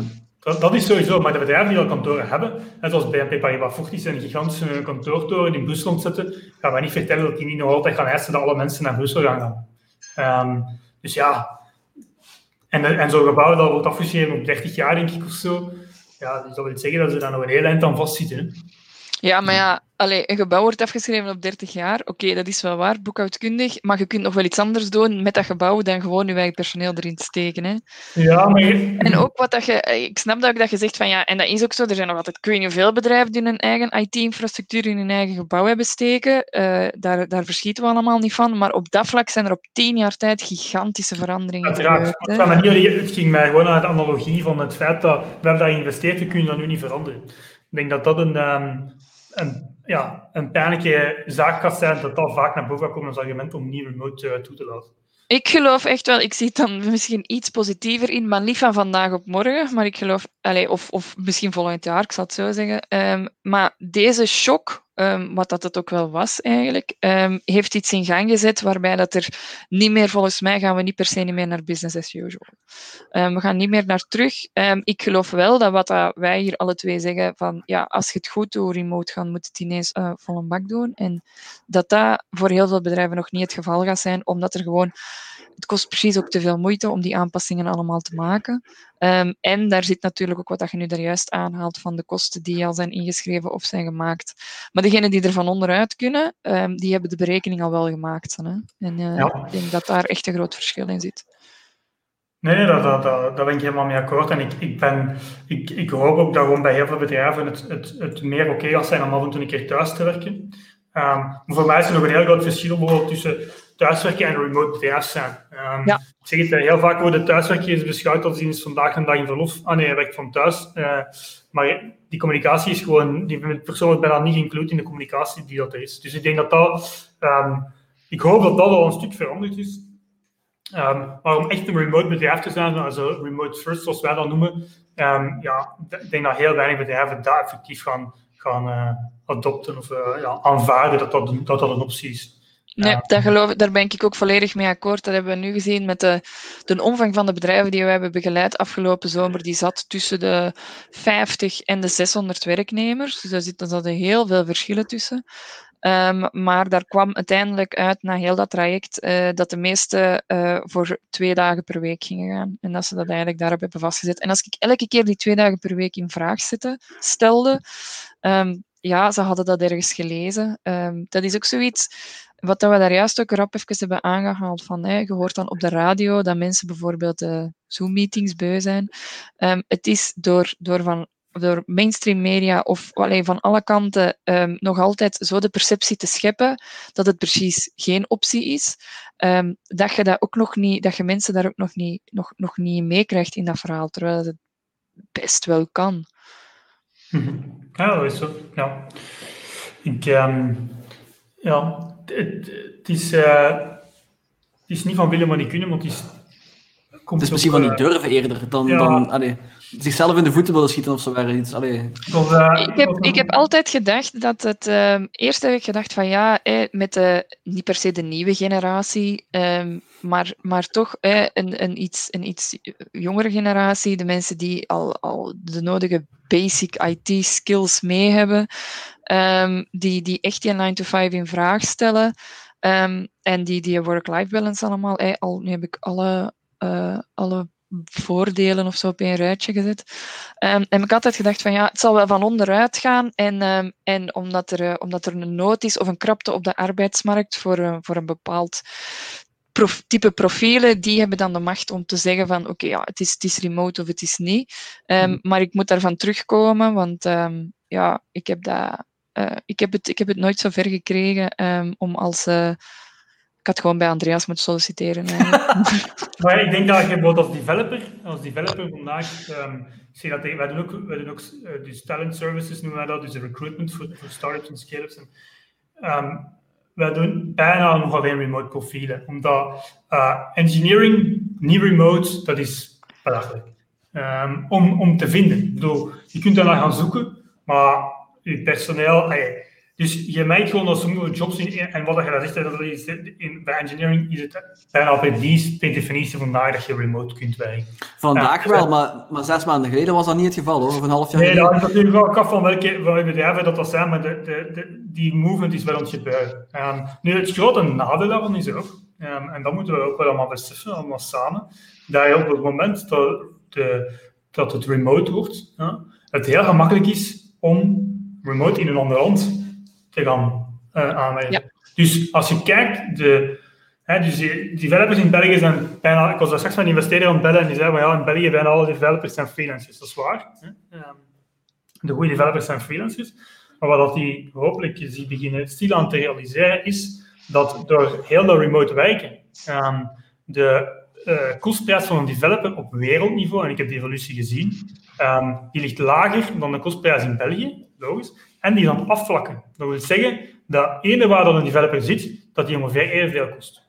En um, toen wij begonnen met remote werken en mensen aan te nemen, in Portugal bijvoorbeeld kostte iemand 1 vijfde van iemand van hier in België, denk ik, in het begin. Dat is nu gewoon gelijkgesteld. Mensen in Polen, we hebben iemand in Polen, die is duurder dan de mensen die wij, de beste developers die wij in België op de payroll hebben. Dus um, ik denk dat je daar uh, heel van bewust moet zijn en denk dat um, daardoor is er een globalisatie hè, van, van, van, van dat echt op individueel niveau van de arbeidsmarkt. Hè. Vroeger was er een globalisatie van we gaan nearshoring doen. Hè. Nu, daar zeggen van bedrijven dat werkt niet, communicatie heeft wat. Maar als je in een remote context spreekt, of dat iemand nu inmeldt vanuit Polen of, of vanuit Brazilië uh, of vanuit België, dat maakt geen verschil meer. En ik denk dat dat uh, wel iets is dat we heel erg gaan zien de komende jaren, van dat je daarvan heel veel gebruik wordt. Als je dan toch al remote zet, dan, maakt dat, dan doet dat er ineens niet meer toe. Dus bij ons is dat ook zo. Wij, wij hebben de enige regel die we hebben, is tijdzone gerelateerd. Dus we zitten in de New York time zone, dus de Eastern Time in de US tot Moskou. Dat zijn de tijdzones waarin wij werken.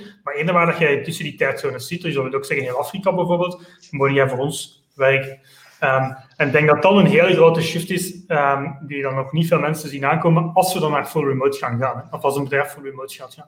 Dus ik denk dat, um, ik weet niet hoe ik kwam, maar ik denk dat dat wel ook een heel belangrijk gegeven is om ja, nee, maar ik, je, je, komt daarop omdat ik eerst zei van ja, war on talent. En dus uh, ja. de kracht zit bij de mensen die het eisen. Maar als ze dan het bedrijf heeft dan het voordeel dat eens dat ze remote gaan gaan, dat ze plotseling de halve wereld of de hele wereld ja. hebben, waar dat ze eigenlijk gaan, gaan kunnen uh, um, arbeidskrachten sourcen.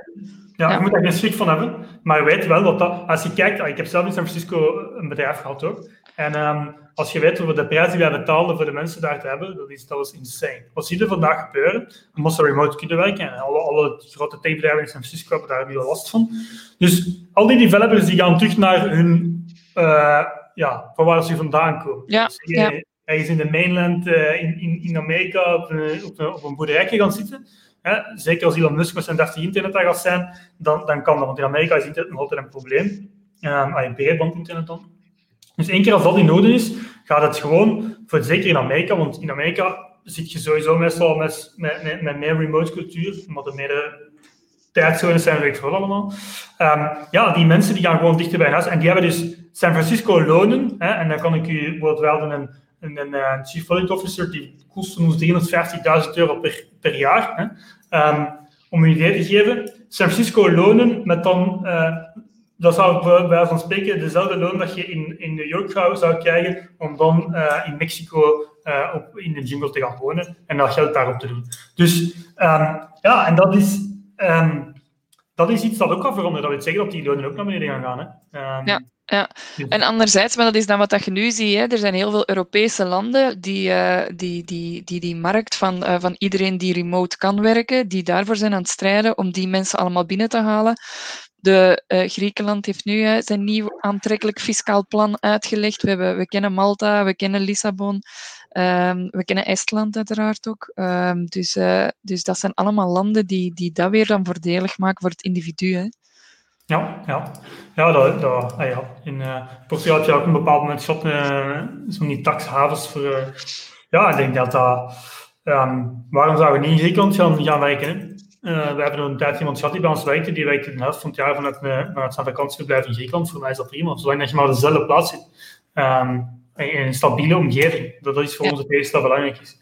Ja, dat klopt. Ja, inderdaad. Er is, hier, er is er iemand die in de coworking space ook uh, uh, sinds de zomer ook uh, werkt. En die was vorige week is die dan twee weken vanuit Malta gaan werken.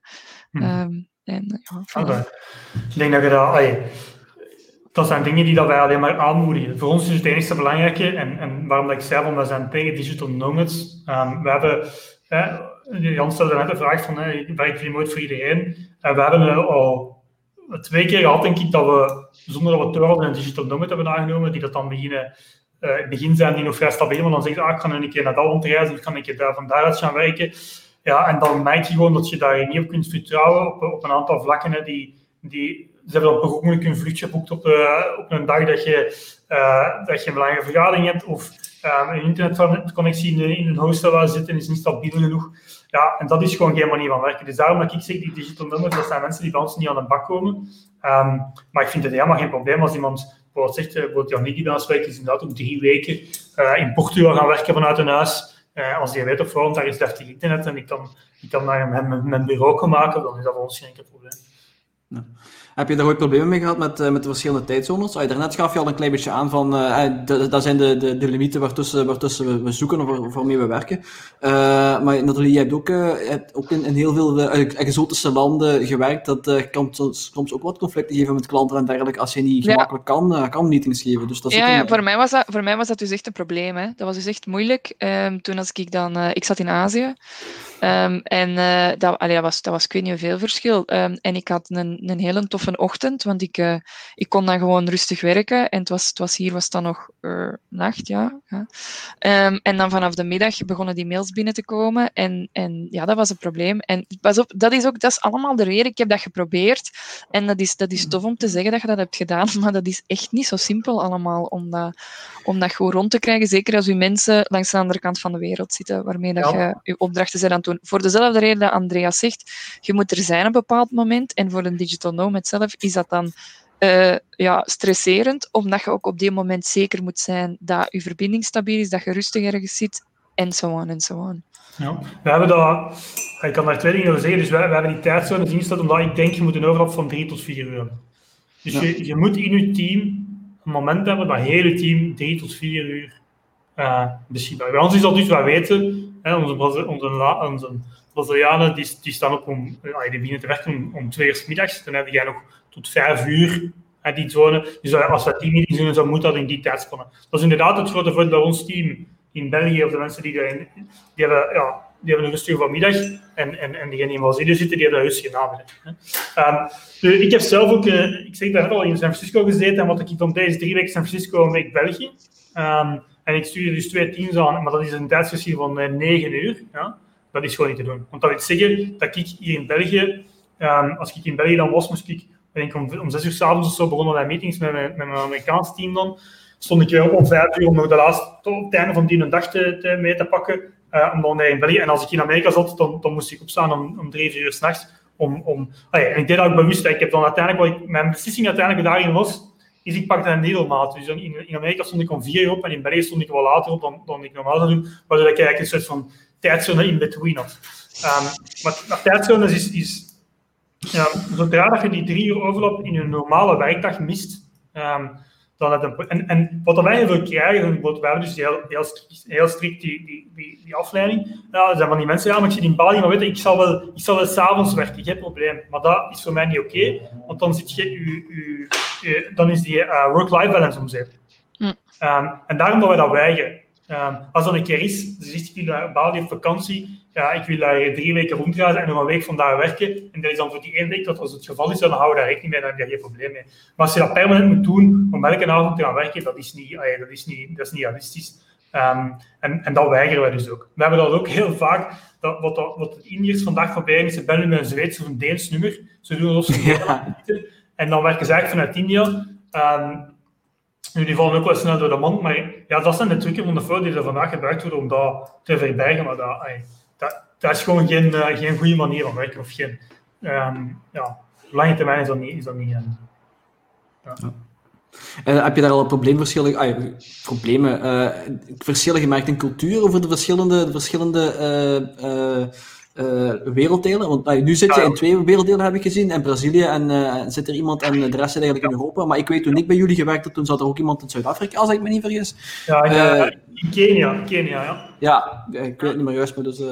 heb je daar al verschillen gemerkt in verschillende culturen? Ja, um, we hebben, we hebben inderdaad wel mensen in, in Brazilië, maar ook een Amerikaan die dan in Kroatië woont. Hè, een geven.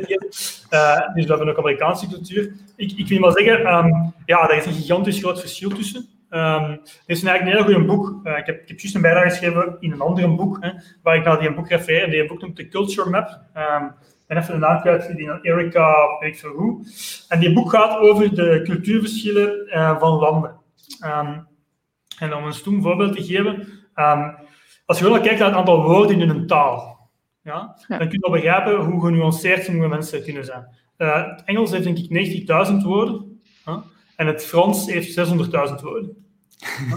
um, en, dat eigenlijk, en zo zijn er heel veel um, nuances tussen talen. Dat staat in je boek eigenlijk, ze maken daar een ze maakt eigenlijk op heel verschillende vlakken een ranking van bijvoorbeeld um, hoe moeten tussen. En ze, ze, ze, ze twee culturen altijd tegenover elkaar, waardoor je heel goed kunt zien: oké, dit zijn de verschillen tussen bepaalde culturen uh, op landniveau. Um, en dat is super, uh, super interessant om te zien. Hè. Dus je hebt inderdaad mensen die heel gedienstig zijn, dan die mensen die, die, die, die, die willen heel directe instructies. En bij ons is dat heel extreem. Hè. Bijvoorbeeld een Amerikaan die verwacht permanent feedback. Die, ja, een Belg dat, ja, dat is toch bij ons, onze Belgen zo, die zeggen van feedback, ja, ik heb een jaar is goed. De Amerikaan, die heeft elke week een one-on-one. Dat is gewoon die cultuur. Die en, en, en dat is gewoon ligt mijlen ver uit elkaar. Dus wat hebben wij nu gedaan op, op HR-vlak? Wij, wij hebben ons gewoon aangepast aan het individu. Onze Belgen, daar heb ik denk één keer om de twee maanden een one-on-one mee. Ja. Um, andere mensen die daar meer aandacht nodig hebben, heb ik elke week een one-on-one mee. En dus je probeert uh, op die cultuurverschillen in te spelen, op hoe dat je met die mensen omgaat. Maar daar zitten gigantische verschillen tussen, ja. Dat is sowieso. Ik, ik, weet, uh, je zegt nu de taal vind ik heel interessant. Ik heb ooit met, uh, met een Canadese spreker voor mij gehad. uiteraard, Quebec zit daar ook ondertussen tussen. Dus, ik weet, hij, hij vroeg, hij vertelde een verhaal waar dat hij vroeg naar um, een mechanicien. Uh, wat, wat, wat, wij denken in, in, in het typische Frans dat wij kennen, dat we als we bij ons op school leren, is, uh, is de autogarage. Terwijl een mechanicien in Canada is de nachtwinkel. dus, zelfs hetzelfde woord kan enorme verschillen in betekenis hebben, wat gewoon gigantisch, gigantisch raar is eigenlijk om te zien. Uh, je hebt, je, bij ons heb je, heb je een nonant, wat, wat in het Frans katterfandis is, maar dat is zelfs een ander woord dan. Dat kan je dan nog enigszins begrijpen, maar gewoon hetzelfde woord, wat gewoon een compleet andere betekenis kan hebben. Ja. Het is, uh, het, is, het Um, ik weet niet of jij ooit uh, internationale klanten hebt gehad, waar dat je, dat je ook zoiets gemerkt hebt, waarvan je het alleen maar voor Belgische bedrijven... Uh... Ja, nee, maar je kunt het vele... Ja, ik heb, uh, ik heb alleen maar voor Belgische bedrijven gewerkt, maar je kunt het van vele dichterbij ook zien. Ik heb in Brussel gewerkt en dat was eigenlijk hoofdzakelijk waren dat Franstaligen die daar werkten. Um, ik was daar... We waren met drie Nederlandstaligen um, in, voor, voor heel het bedrijf. En we werkten vooral voor de Europese Commissie, waar dat de voertaal dan Frans ook was, maar vooral Engels. Um, dan, dan, dan zie je ook al, en dan heb je ook al, ik weet niet hoeveel culturele verschillen. Uh, kijk naar België, kijk naar Vlaanderen en Nederland, wat dat daar verschillen in zijn. Je moet het niet ver gaan zoeken op dat vlak. Maar ik denk wel dat het, dat het in, in een remote team best wel challenging is als je al die verschillende culturen inderdaad wel hebt. Toen de corona begon, was ik aan het werken in een bedrijf in Wallonië, dus als interim CTO. En ik ging af en toe ook fysiek naar daar. En um, zelfs toen het er op tv werd gezegd, schud geen handen meer, ging je nog elke ochtend iedereen een kus geven. Dat is typisch Franstalig in België. Maar kun je ja, maar, als je spreekt over cultuur, als je, een vriend van mij bij een bank in Brussel, de Franstaligen geven allemaal elkaar een kus, die België, die Vlaanderen, die denken van wat de fuck ze die gaan doen. En ja, dat, is gewoon, dat zijn cultuurverschillen en dat uiteraard, uh, dat uiteraard overal. Maar, um, en, en dan, dat heb je altijd in een bedrijf. Zelfs al is dat een bedrijf inderdaad met alleen maar medewerkers in België. Simpel. Ja. Mm ja, als je samen in een kantoor zit, is, allee, zou ik denken, is het gemakkelijk om, om, om dat te zien, alleszins. Terwijl af en toe, als je zo remote zit... en je kan ook, dat gaat ook over waarden. Hè. Ik heb al in bedrijven gewerkt waar dat uh, bijvoorbeeld een cultuur van seksisme was, waar ik daar helemaal niet mee kan lachen. Uh, maar dat werd daar gewoon aanvaard. Ja, dat zou ook cultuurverschil kunnen noemen. Als, je, als je manager daarmee akkoord is, ja, daar heb ik dan natuurlijk niet meer veel over te zeggen. Dus ik denk dat ja, daar kan op heel kleine schaal ook gewoon, en dan gaat het gewoon over, over normen en waardeverschillen zijn, die dat kunnen opspelen, maar dat heeft niks met, met remote werken te maken. Ehm, dat is dan puur eerder de manager die dan. Eh, uiteindelijk komt dat ook neer op. Uh, is hetzelfde met, uh, met remote werken, wat je daarnet ook al zei. Als de manager het toelaat, als de manager het promoot, dan, dan, dan dringt het voor het algemeen vrij, vrij vlot door naar, naar de onderliggende troepen, om het zo te zeggen. Hè? Ja, natuurlijk. Ja. ja. Ik, denk, ik denk dat daar CEO's eigenlijk zelfs hun rol in onderschatten. Um, maar CEO of tussenliggende manager? Want op zich, allee, de CEO gaat niet rechtstreeks het, het, IT-team aanspreken, bijvoorbeeld, hè, afhankelijk van de grootte. Nee, maar effectief wel zeggen van oké, dit is niet meer, we zijn niet meer in crisismodus aan het opereren, wat ik nog veel te vaak hoor. Um, maar gewoon zeggen van oké, nee, dit is the way to go en we gaan, we gaan voluit gaan voor, voor, voor meer remote binnen ons bedrijf. Ik, ik, ik hoor het niet hoor. En ik denk wel dat, uh, dat een CEO daar een, een hele belangrijke rol in heeft. Is dat een excuus dat je nog vaak hoort? Dit is nu even crisismodus? Of, is het nu, of, of begint het door te dringen dat, het, dat, het, dat, het, dat dit permanent kan zijn? Die bedrijven die ik heb begeleid afgelopen zomer gebruikt, en dus dan zaten we al, hè, we zaten van maart en het was september toen, um, dus we zaten toch al zes maanden ver. Die gebruikten nog altijd het woord crisismodus. Ja, maar ik denk dat wij bedrijven gewoon heel snel terug naar een normale situatie willen gaan. Ik denk dat dat jammer genoeg het, uh, het ding had zijn. Ja. Ja, ik ben heel curieus. We hebben het er net al even, al even over gehad. Hè. Maar ja, dus, dus, ik, ik heb dat uiteraard altijd heel, heel graag gedaan. Ik, ben zelf, ik heb mezelf een beetje, uh, toen ik nog werknemer was bij, uh, bij CGK was in de tijd, Andreas weet dat goed, heb ik mijzelf een beetje losgevrikt van, van al de rest. Het, het, voordeel daar was, was voor een stuk dat ik de enige PHP-developer in dat heel bedrijf was. Um, dus ik had niet echt een team waar dat ik bij moest horen. Um, in die zin had ik ook weinig controle en kon ik dat, dat voor mijzelf eigenlijk die situatie heel, heel leuk uh, creëren. En dat was ook voor een stuk omdat Andreas dat, toen, dat toeliet. Hè. Dus uh, ik, ik, was, uh, ik werd eigenlijk in zijn team gedropt door, door onderhandelingen. Ik weet niet juist wie zijn eis dat, dat was of welk argument dat daarvoor aangehaald was. Dat kan Andreas misschien nog wel eens toelichten. Um, maar maar uiteindelijk, omdat ik de enige was die eigenlijk in principe in zijn team moest werken, en hij zei van, doe maar remote, was dat voor mij mogelijk. Uh, en daarna heb ik het dan nog een jaar kunnen, kunnen verder zetten, min of meer. Ik moest dan af en toe wel naar Leuven gaan en zo. Um, maar toen, toen ze dat ook opnieuw meer en meer begonnen te eisen van mij, om, om elke dag 55 minuten van mijn tijd enkel uh, te spenderen in de wagen, uh, zonder file dan ook nog, want dat, uh, dat heb je dan ook al wel eens. Dan, toen heb ik de stekker eruit getrokken.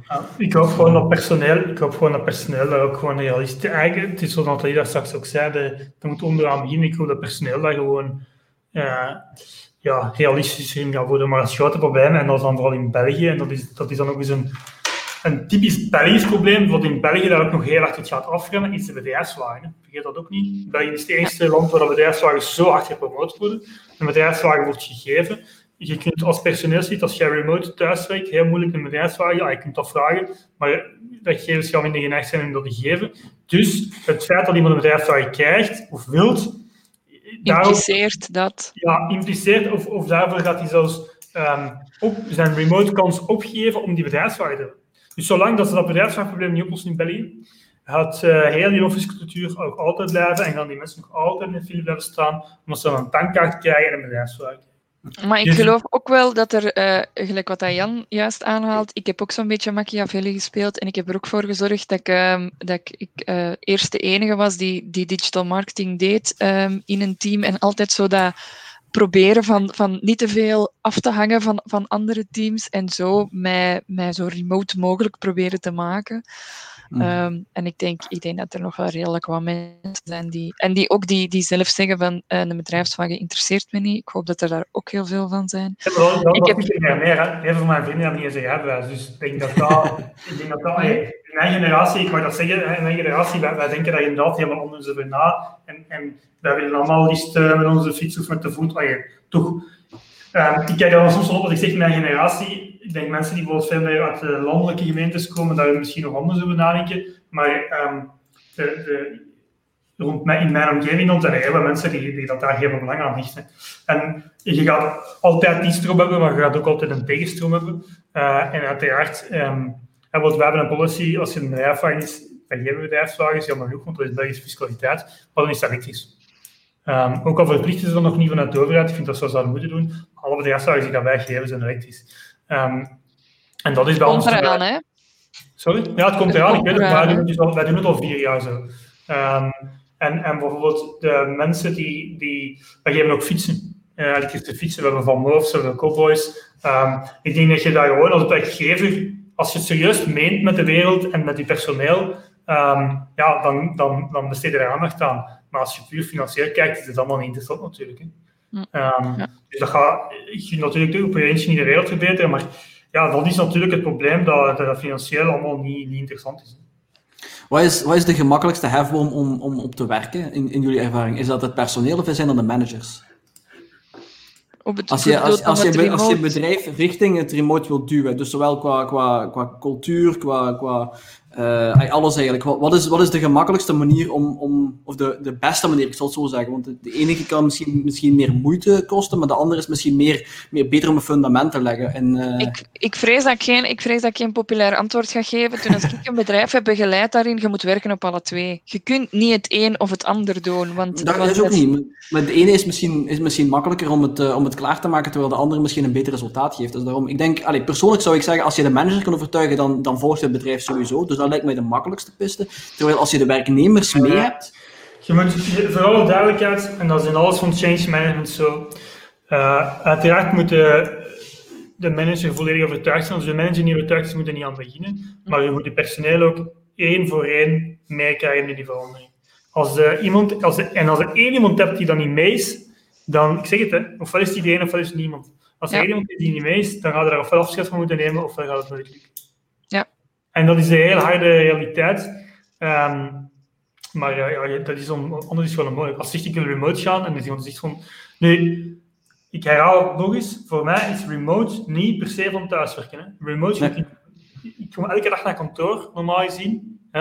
En ik leg nu altijd remote. Waarom? Omdat ik mensen ten eerste teammembers heb die daar niet fysiek naast mij zitten in het kantoor. En alle interface die dat we hebben met elkaar is op dezelfde manier. Ik denk dat dat vooral heel belangrijk is. Dus remote is voor mij niet per se um, van thuis of vanuit een coworking space. Remote voor mij is een, is een soort van mindset.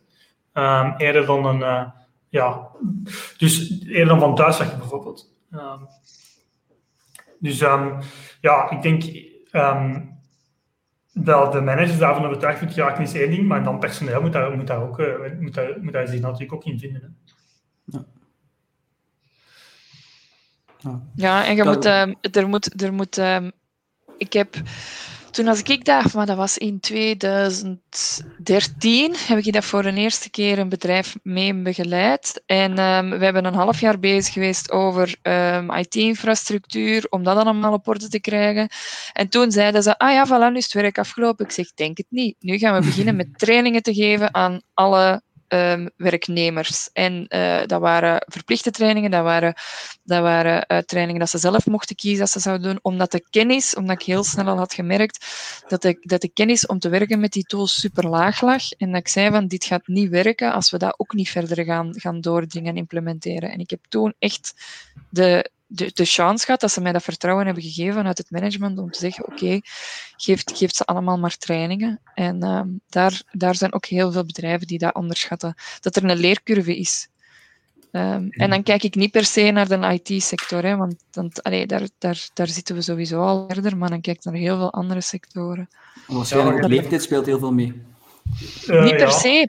Ja, sowieso. Allee, sowieso heeft dat... Uh, mensen zijn er, zijn er altijd... Er gaan altijd opmerkingen zijn van... Ja, maar ja, ik wist niet dat ik dat op dat knopje mocht drukken, want vroeger is er mij gezegd dat ik daar zeker overal moet afblijven. Uiteraard hebben die verhalen en uiteraard zijn die mensen er. Maar er zijn er ook nog altijd heel veel... Allee, ik ben 33 en er zijn heel veel van mijn generatie mensen die ook al zeggen van... Maar ik ben echt niet meer mee. Ik kan echt niet meer volgen. Ah, ik denk, om een heel belachelijk voorbeeld te geven. Hè. Ik moest spreken op een conferentie twee, drie weken geleden, online dan. Hè. Uh, dat was via Zoom webinars, dus dat is gewoon Zoom eigenlijk. En uh, daar kwam iemand spreken van, uh, ik ga de naam niet noemen, het is niet Amazon Web Services, maar van een grote cloud provider. Ja, dus een partnership manager van een grote cloud provider kwam daar spreken. En die slaagde er niet in om een Zoom te werken. Ja, die, effectief, die zeiden niet op in te loggen in die meeting. En dus je, je, je zou dan denken, dat zijn digital natives, die weten toch wat ze aan het doen zijn, maar dat lukt gewoon niet. Die wist niet dat ze een scherm stelen en zo.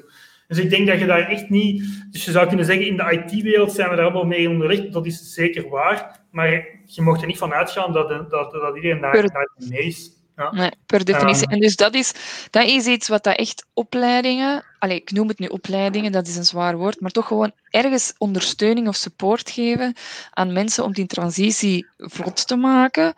Um, moeten echt doen. Uh, en, dat en de ene gaat meer nodig hebben dan de andere, en de ene gaat er direct mee weg zijn dan, dan, dan een andere. Ja, ja dat is zo.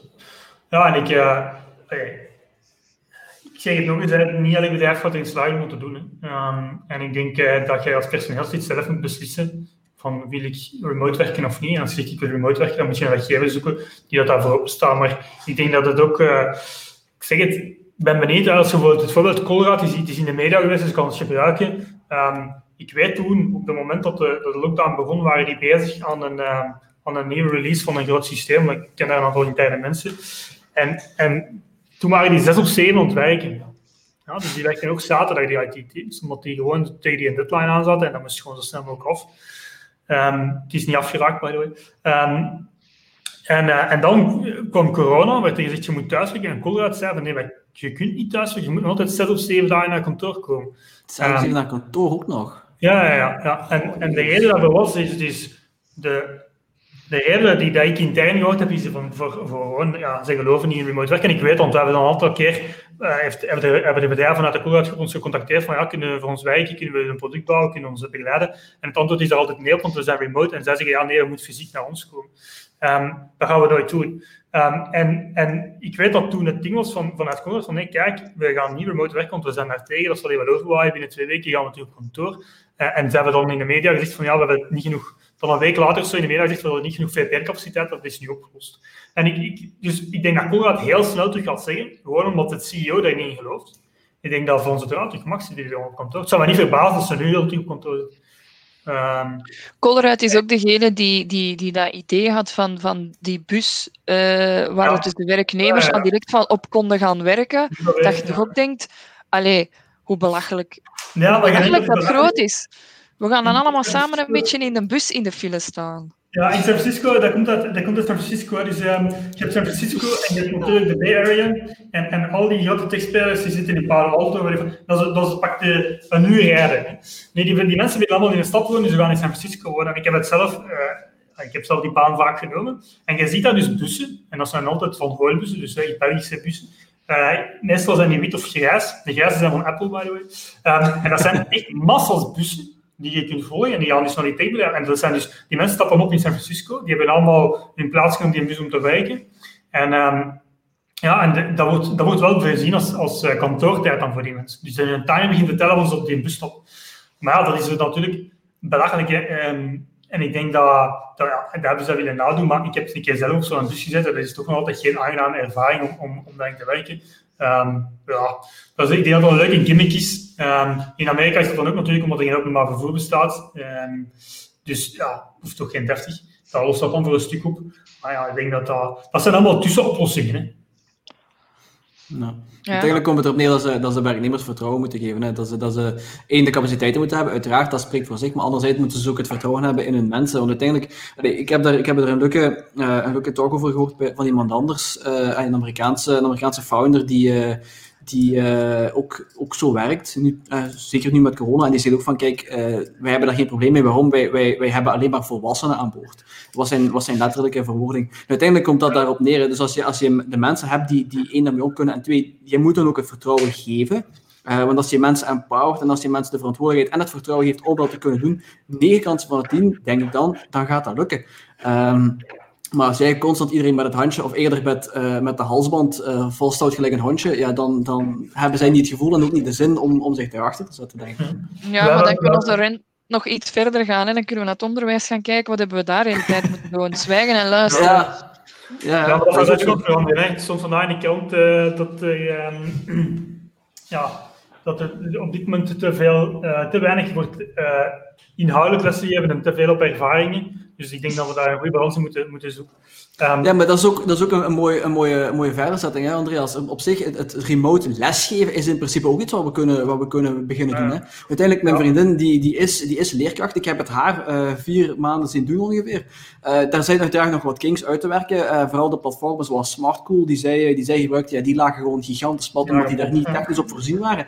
Maar dan nog, allez, zeker voor, voor, voor intellectueel begaafde kinderen, dingen, kinderen in aanzorgrichtingen die eigenlijk vrij goed mee kunnen, die kunnen perfect op hun eigen tempo studeren. En dan kan je met kleinere klassen werken en de mensen die meer aandacht nodig hebben, die kan je dan beter opvolgen en beter differentiëren. Dat zijn allemaal dingen die kunnen, maar gewoon in, in de rigide structuur van het onderwijs is dat er gewoon compleet nog niet. En ik hoop ja, dat, ik denk dat we, ik denk dat we daar ook... Eh, daar kunnen we een heel andere discussie over voeren, um, over, over, onderwijs en remote en, en, en, hoe dat onderwijs gedaan wordt. Uiteraard, dat is hetzelfde dingen. Voor sommige mensen werkt dat, voor sommige mensen werkt dat niet. En daar is het nog belangrijker om, te, uh, om dan bijvoorbeeld als klastitularis, als je in het middelbaar zit, om, om de tijd te nemen om bijvoorbeeld om de twee weken met elke leerling een keer te praten, om te weten hoe het gaat. En als je dat niet doet, dan, dan zijn er gewoon mensen die afgeleiden. Dat stelt nu in een kantoorcontext. Nu, wat ik wou zeggen over uw, verantwoordelijkheid. Hè.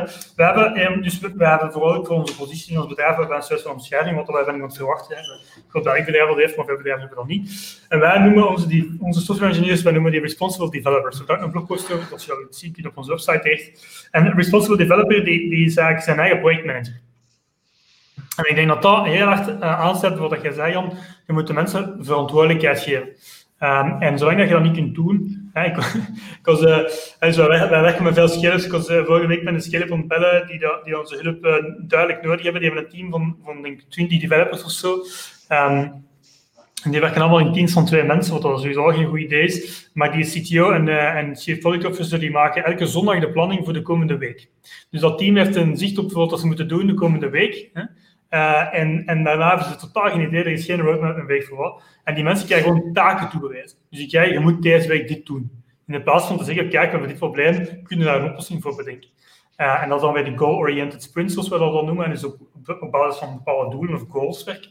En, ik, en, en voor alle duidelijkheid, dat is niet een of ander bedrijf in een hoekje van, nee, dat is een publieke scale-up in België die waarschijnlijk al prijzen heeft gewonnen. Um, dus je kunt je niet inbeelden hoe um, je zou dan kunnen denken, die mensen zijn tegen zo'n recht, die wat ze doen zijn, die hebben miljoenen funding opgehaald, dat gaat wel in orde zijn. Nee, dat is niet zo. En, en dat gaat ook over vertrouwen, dat gaat over um, de mensen de ruimte geven om zichzelf te zijn en, en, en, hun werk te goed te doen en te floreren. Um, maar heel vaak wordt, is, er, is er een managementstijl die dat gewoon totaal onderdrukt. En dan, dan kan dat ook niet. Um, dus dat gaat, het gaat heel veel over management. Ja. Het gaat over managementstijl, het gaat over het vertrouwen van uw mensen, in de verantwoordelijkheid geven om, zelf initiatief te nemen. Um, en als je dat in je bedrijf al hebt, dan gaat het ook veel makkelijker remote werk kunnen, kunnen doen. Zo simpel is. Um, ik weet bedrijven waar dat de, de taken die mensen moeten doen op een, op een eh, dus kanban gewijs dan, maar fysiek bij post-its op de muur hangen. gewoon bij teamleader, moet je net bij toen ik dat begon, ik ben, CTO van teamleader geweest, toen dat begon was het effectief zo dat daar gewoon in de ruimte van de engineering organisatie een muur was met post-its op. En die gingen daar naartoe, die pakten een post-it en die begonnen daar aan te werken. Um, ik zeg dat bedrijf in Wallonië, waar ik van zeg, want die deden dat nu nog, voor de lockdown begon, die hadden gewoon een, een, een, een, muur met post-its op. En ik heb het eerste wat ik doe als ik in zo'n binnenkom, is zeggen van jongens, en staat dat ook ergens anders? Ah, nee, nee, dat is, dat, goed, dat is goed genoeg. We hebben onze stand-up hier. En dan doen ze een stand-up. En ah, maar er is iemand die van thuis zegt, we, richten de laptop naar dat ding. Ja. Uh, en we niet Maar je lacht ik ben, ik ben wel aan het lachen, maar ik heb dat ook meegemaakt. je lacht ermee, maar dat is, zo is dat in 90% van de bedrijven, misschien zelfs meer. En, dat en is bij kei veel bedrijven. Kei veel bedrijven die deze gaan horen, gaan denken, oh fuck. ja, zolang dat je daarin zit, uh, waarschijnlijk hebben die dan allemaal iemand naar kantoor moeten sturen om, uh, om, om, om de post te verplaatsen. Ja, we zijn, we zijn, ja, daar heb ik, daar heb ik ook nog ooit gedaan. Wilt je even op de post-it ver, ver, verhangen? Want uh, ik, heb, ik heb de ticket afgemaakt. Dat heb ik ook nog ooit gedaan. Om, om een idee te geven, um, wij, hebben nu, dus we gaan elk jaar op retreat normaal gezien. Um, dat wil zeggen dat we met heel bedrijf vakantie gaan voor een week, ergens in een exotische locatie, zal ik het even zo zeggen. Um, en dit jaar kon dat uiteraard niet door, want we hadden al zo gepland, maar dat moeten cancelen. Um, en we hebben een alternatief gemaakt, een Invigorate, wat dat wil zeggen, iets tot, niet tot leven brengen. Invigorate en, en een van de activiteiten, zo heel veel teamactiviteiten en, en workshops en weet ik veel wat, in, in een hele maand. En een van de dingen was, we gaan, ehm, ja, je zegt dat, de boardgames, dus in ons uh, bordspelen hè, doen. En dan heeft effectief iemand dat gewoon die bordspelen in zijn thuis staan met een camera op en iemand moet ze zetten en dat werd dan op het bord verplaatst. En dat, is dan weer, dat is dan weer komisch om het zo te doen, maar ik denk dat in hele bedrijven dat wel jammer genoeg nog altijd de realiteit is dat, dat, dat ja. die, die, fysieke dingen zijn die moeten gebeuren. Ja, dat is waar. Ja, en en dat gaat het nog heel lang duren voordat ze daar vanaf zijn. ja. Dus uh, dit is een cultuurshock geweest. Vooral, uh, vooral COVID heeft het, uh, heeft het heel snel versneld. Maar het is inderdaad zo. Er zijn, er zijn nog zoveel problemen die, die, die verholpen moeten worden. Zoveel, zoveel bumps die we, die we over moeten om, het, om het terug recht te krijgen. Um, maar ik, ik, ben wel heel, heel benieuwd naar wat de toekomst gaat brengen. Ik bedoel, het, het remote werk op zich is, is heel interessant. er zit heel veel potentieel in. Maar ik, ik ben heel, heel blij dat we, dat we dat zo snel in de sessie gezegd hebben. Ofwel doe je het te goed, ofwel doe je het niet. Uh, ik, ik, denk dat dat het, uh, het belangrijkste is wat, uh, wat, we moeten onthouden aan, aan het geheel. En ik, hoop echt dat er, ik hoop echt dat er binnen dit en twee maanden dat er een aantal vooraanstaande CEO's gaan, gaan opstaan en zeggen van oké, okay, we gaan onze nek uitsteken om het wel te goed te doen. Daar wacht ik eigenlijk op. Dat er echt is van, vanuit, vanuit die bedrijfswereld een aantal echt gaan, gaan, gaan rechtstaan om te zeggen van goh, kom, we gaan hier echt werk van maken. Er zijn, er zijn, uh, grote spelers dat dat gedaan hebben. Hè. Ik denk, uh, was nu, ja, van de grote techspelers in Amerika zijn er al een aantal die gezegd hebben. Ik denk dat ah, uh, Shopify, die aan de kantoor van dicht doen. Die hebben gewoon beslist ja. die kantoor ja, Twitter toch ook? Ja, ik denk dat, heeft Twitter gezegd dat ze helemaal remote gaan? ik weet dat heel veel bedrijven hebben gezegd, we gaan pas in september 2021 terug. Maar ik weet dat Shopify, die hebben gewoon effectief een kantoor, die zijn al dicht, die kantoor. Ik ken iemand die daar werkt, die zijn doos moeten gaan vullen en de kantoor is weg. Um, en ik denk dat dat gaat gebeuren. Er gaan een aantal bedrijven die die beweging maken. Maar uh, bijvoorbeeld een bedrijf zoals Shopify, die zaten al op verschillende locaties. Die zaten waarschijnlijk al met remote mensen. Die waren daar al een heel stuk verder in. En ik, ik vrees dan genoeg dat van de gevestigde bedrijven die dat er zijn, dat dat nog heel lang gaat duren. Uh, tot die generatie, zou ik, als ik het zo maar zeggen, daaruit is. Hè. Um, ik, uh, nu, ik denk dat je ook niet mocht vergeten de, dat er ook een soort van tegenbeweging is, uh, als in de, de jonge generatie die dan nu op die manier heeft moeten les krijgen. En uh, ik kan mij ook wel inbeelden dat die zeggen van ik wil dit niet in mijn leven, ik wil fysiek contact met mensen. En dat die zeggen van ik, ik ga verkiezen voor een job bewust op kantoor. Dat denk ik ook. Maar dat, is, maar dat heeft niks te maken met het remote werken. Dat heeft te maken met de manier waarop dat is gepresenteerd. En natuurlijk ook als je, als je buiten het computerscherm geen enkel contact mocht hebben. Deze is op dat vlak. Ik, ik had absoluut niet graag 18 jaar willen zijn in 2020. Nee. Jij zegt geen fan.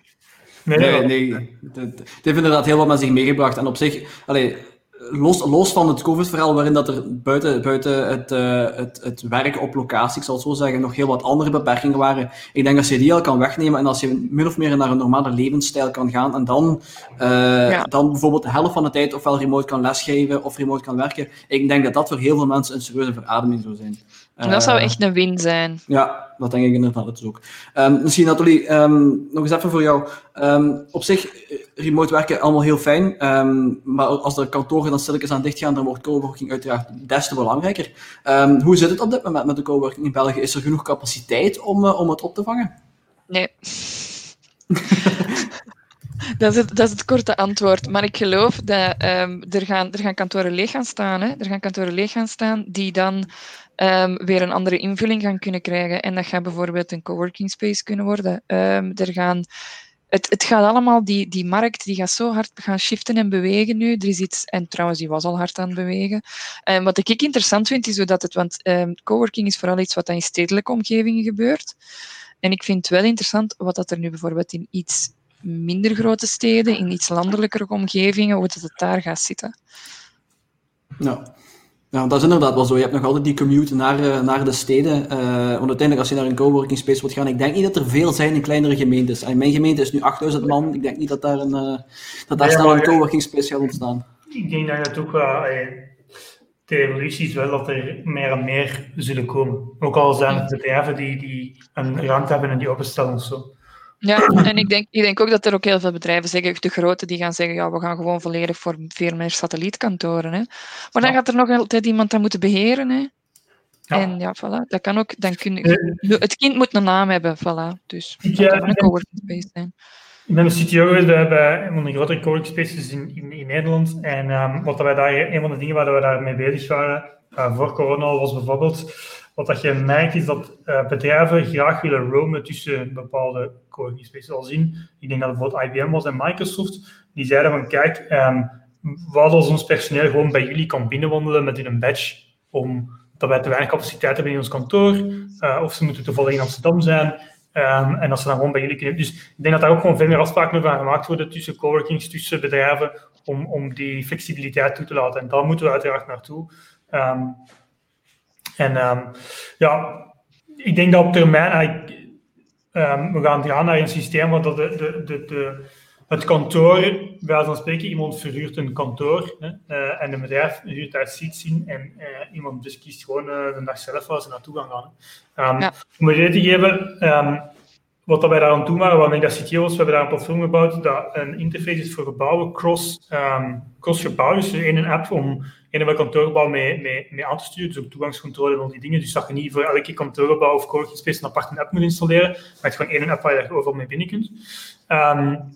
Ja, en dat, ik denk dat dat de toekomst is natuurlijk. Hè. Um, gewoon eens kunt binnenwandelen en zeggen, oké, okay, ja, ik hier een dag hier zitten. En een van de dingen die wij daarmee konden doen, uh, is op basis van Sentience, als Belgisch bedrijf, de, daarmee kunnen uh, de, we zeggen dat een voorspelling doen wat iemand op een dag gaat doen. Dus moet die de tijd en die kunnen dan aan tijd voorspellen wat je gaat doen. Bijvoorbeeld als je iets later opstaat, dan zeg je, ah, misschien gaat hij vandaag niet kantoor gaan, want we denken dat hij waarschijnlijk vrij gaat zijn. En kun je op basis daarvan bijvoorbeeld al facility management, en dat is ook in grote gebouwen, in bedrijven gebeurt dat al, facility management gaan zeggen van kijk, um, we gaan vandaag minder catering moeten voorzien, want uh, er komen minder mensen naar kantoor. Uh, of we verwachten ineens dat er heel veel mensen komen. Op basis, zeg maar, op basis van de parkingbezetting uh, gaan beslissen hoeveel lunch je moet, uh, moet voorzien. Of hoeveel, hoeveel er gekaast moet worden s'avonds. ook detectie in de, in, de, in, de, in, de, in de ruimte zelf. Van is die ruimte op een dag gebruikt. En, en, um, en, en dan alleen als die gebruikt is, die gaan kuisen. Zo van die dingen. Maar gaan over, over, gaan we over facility management praten.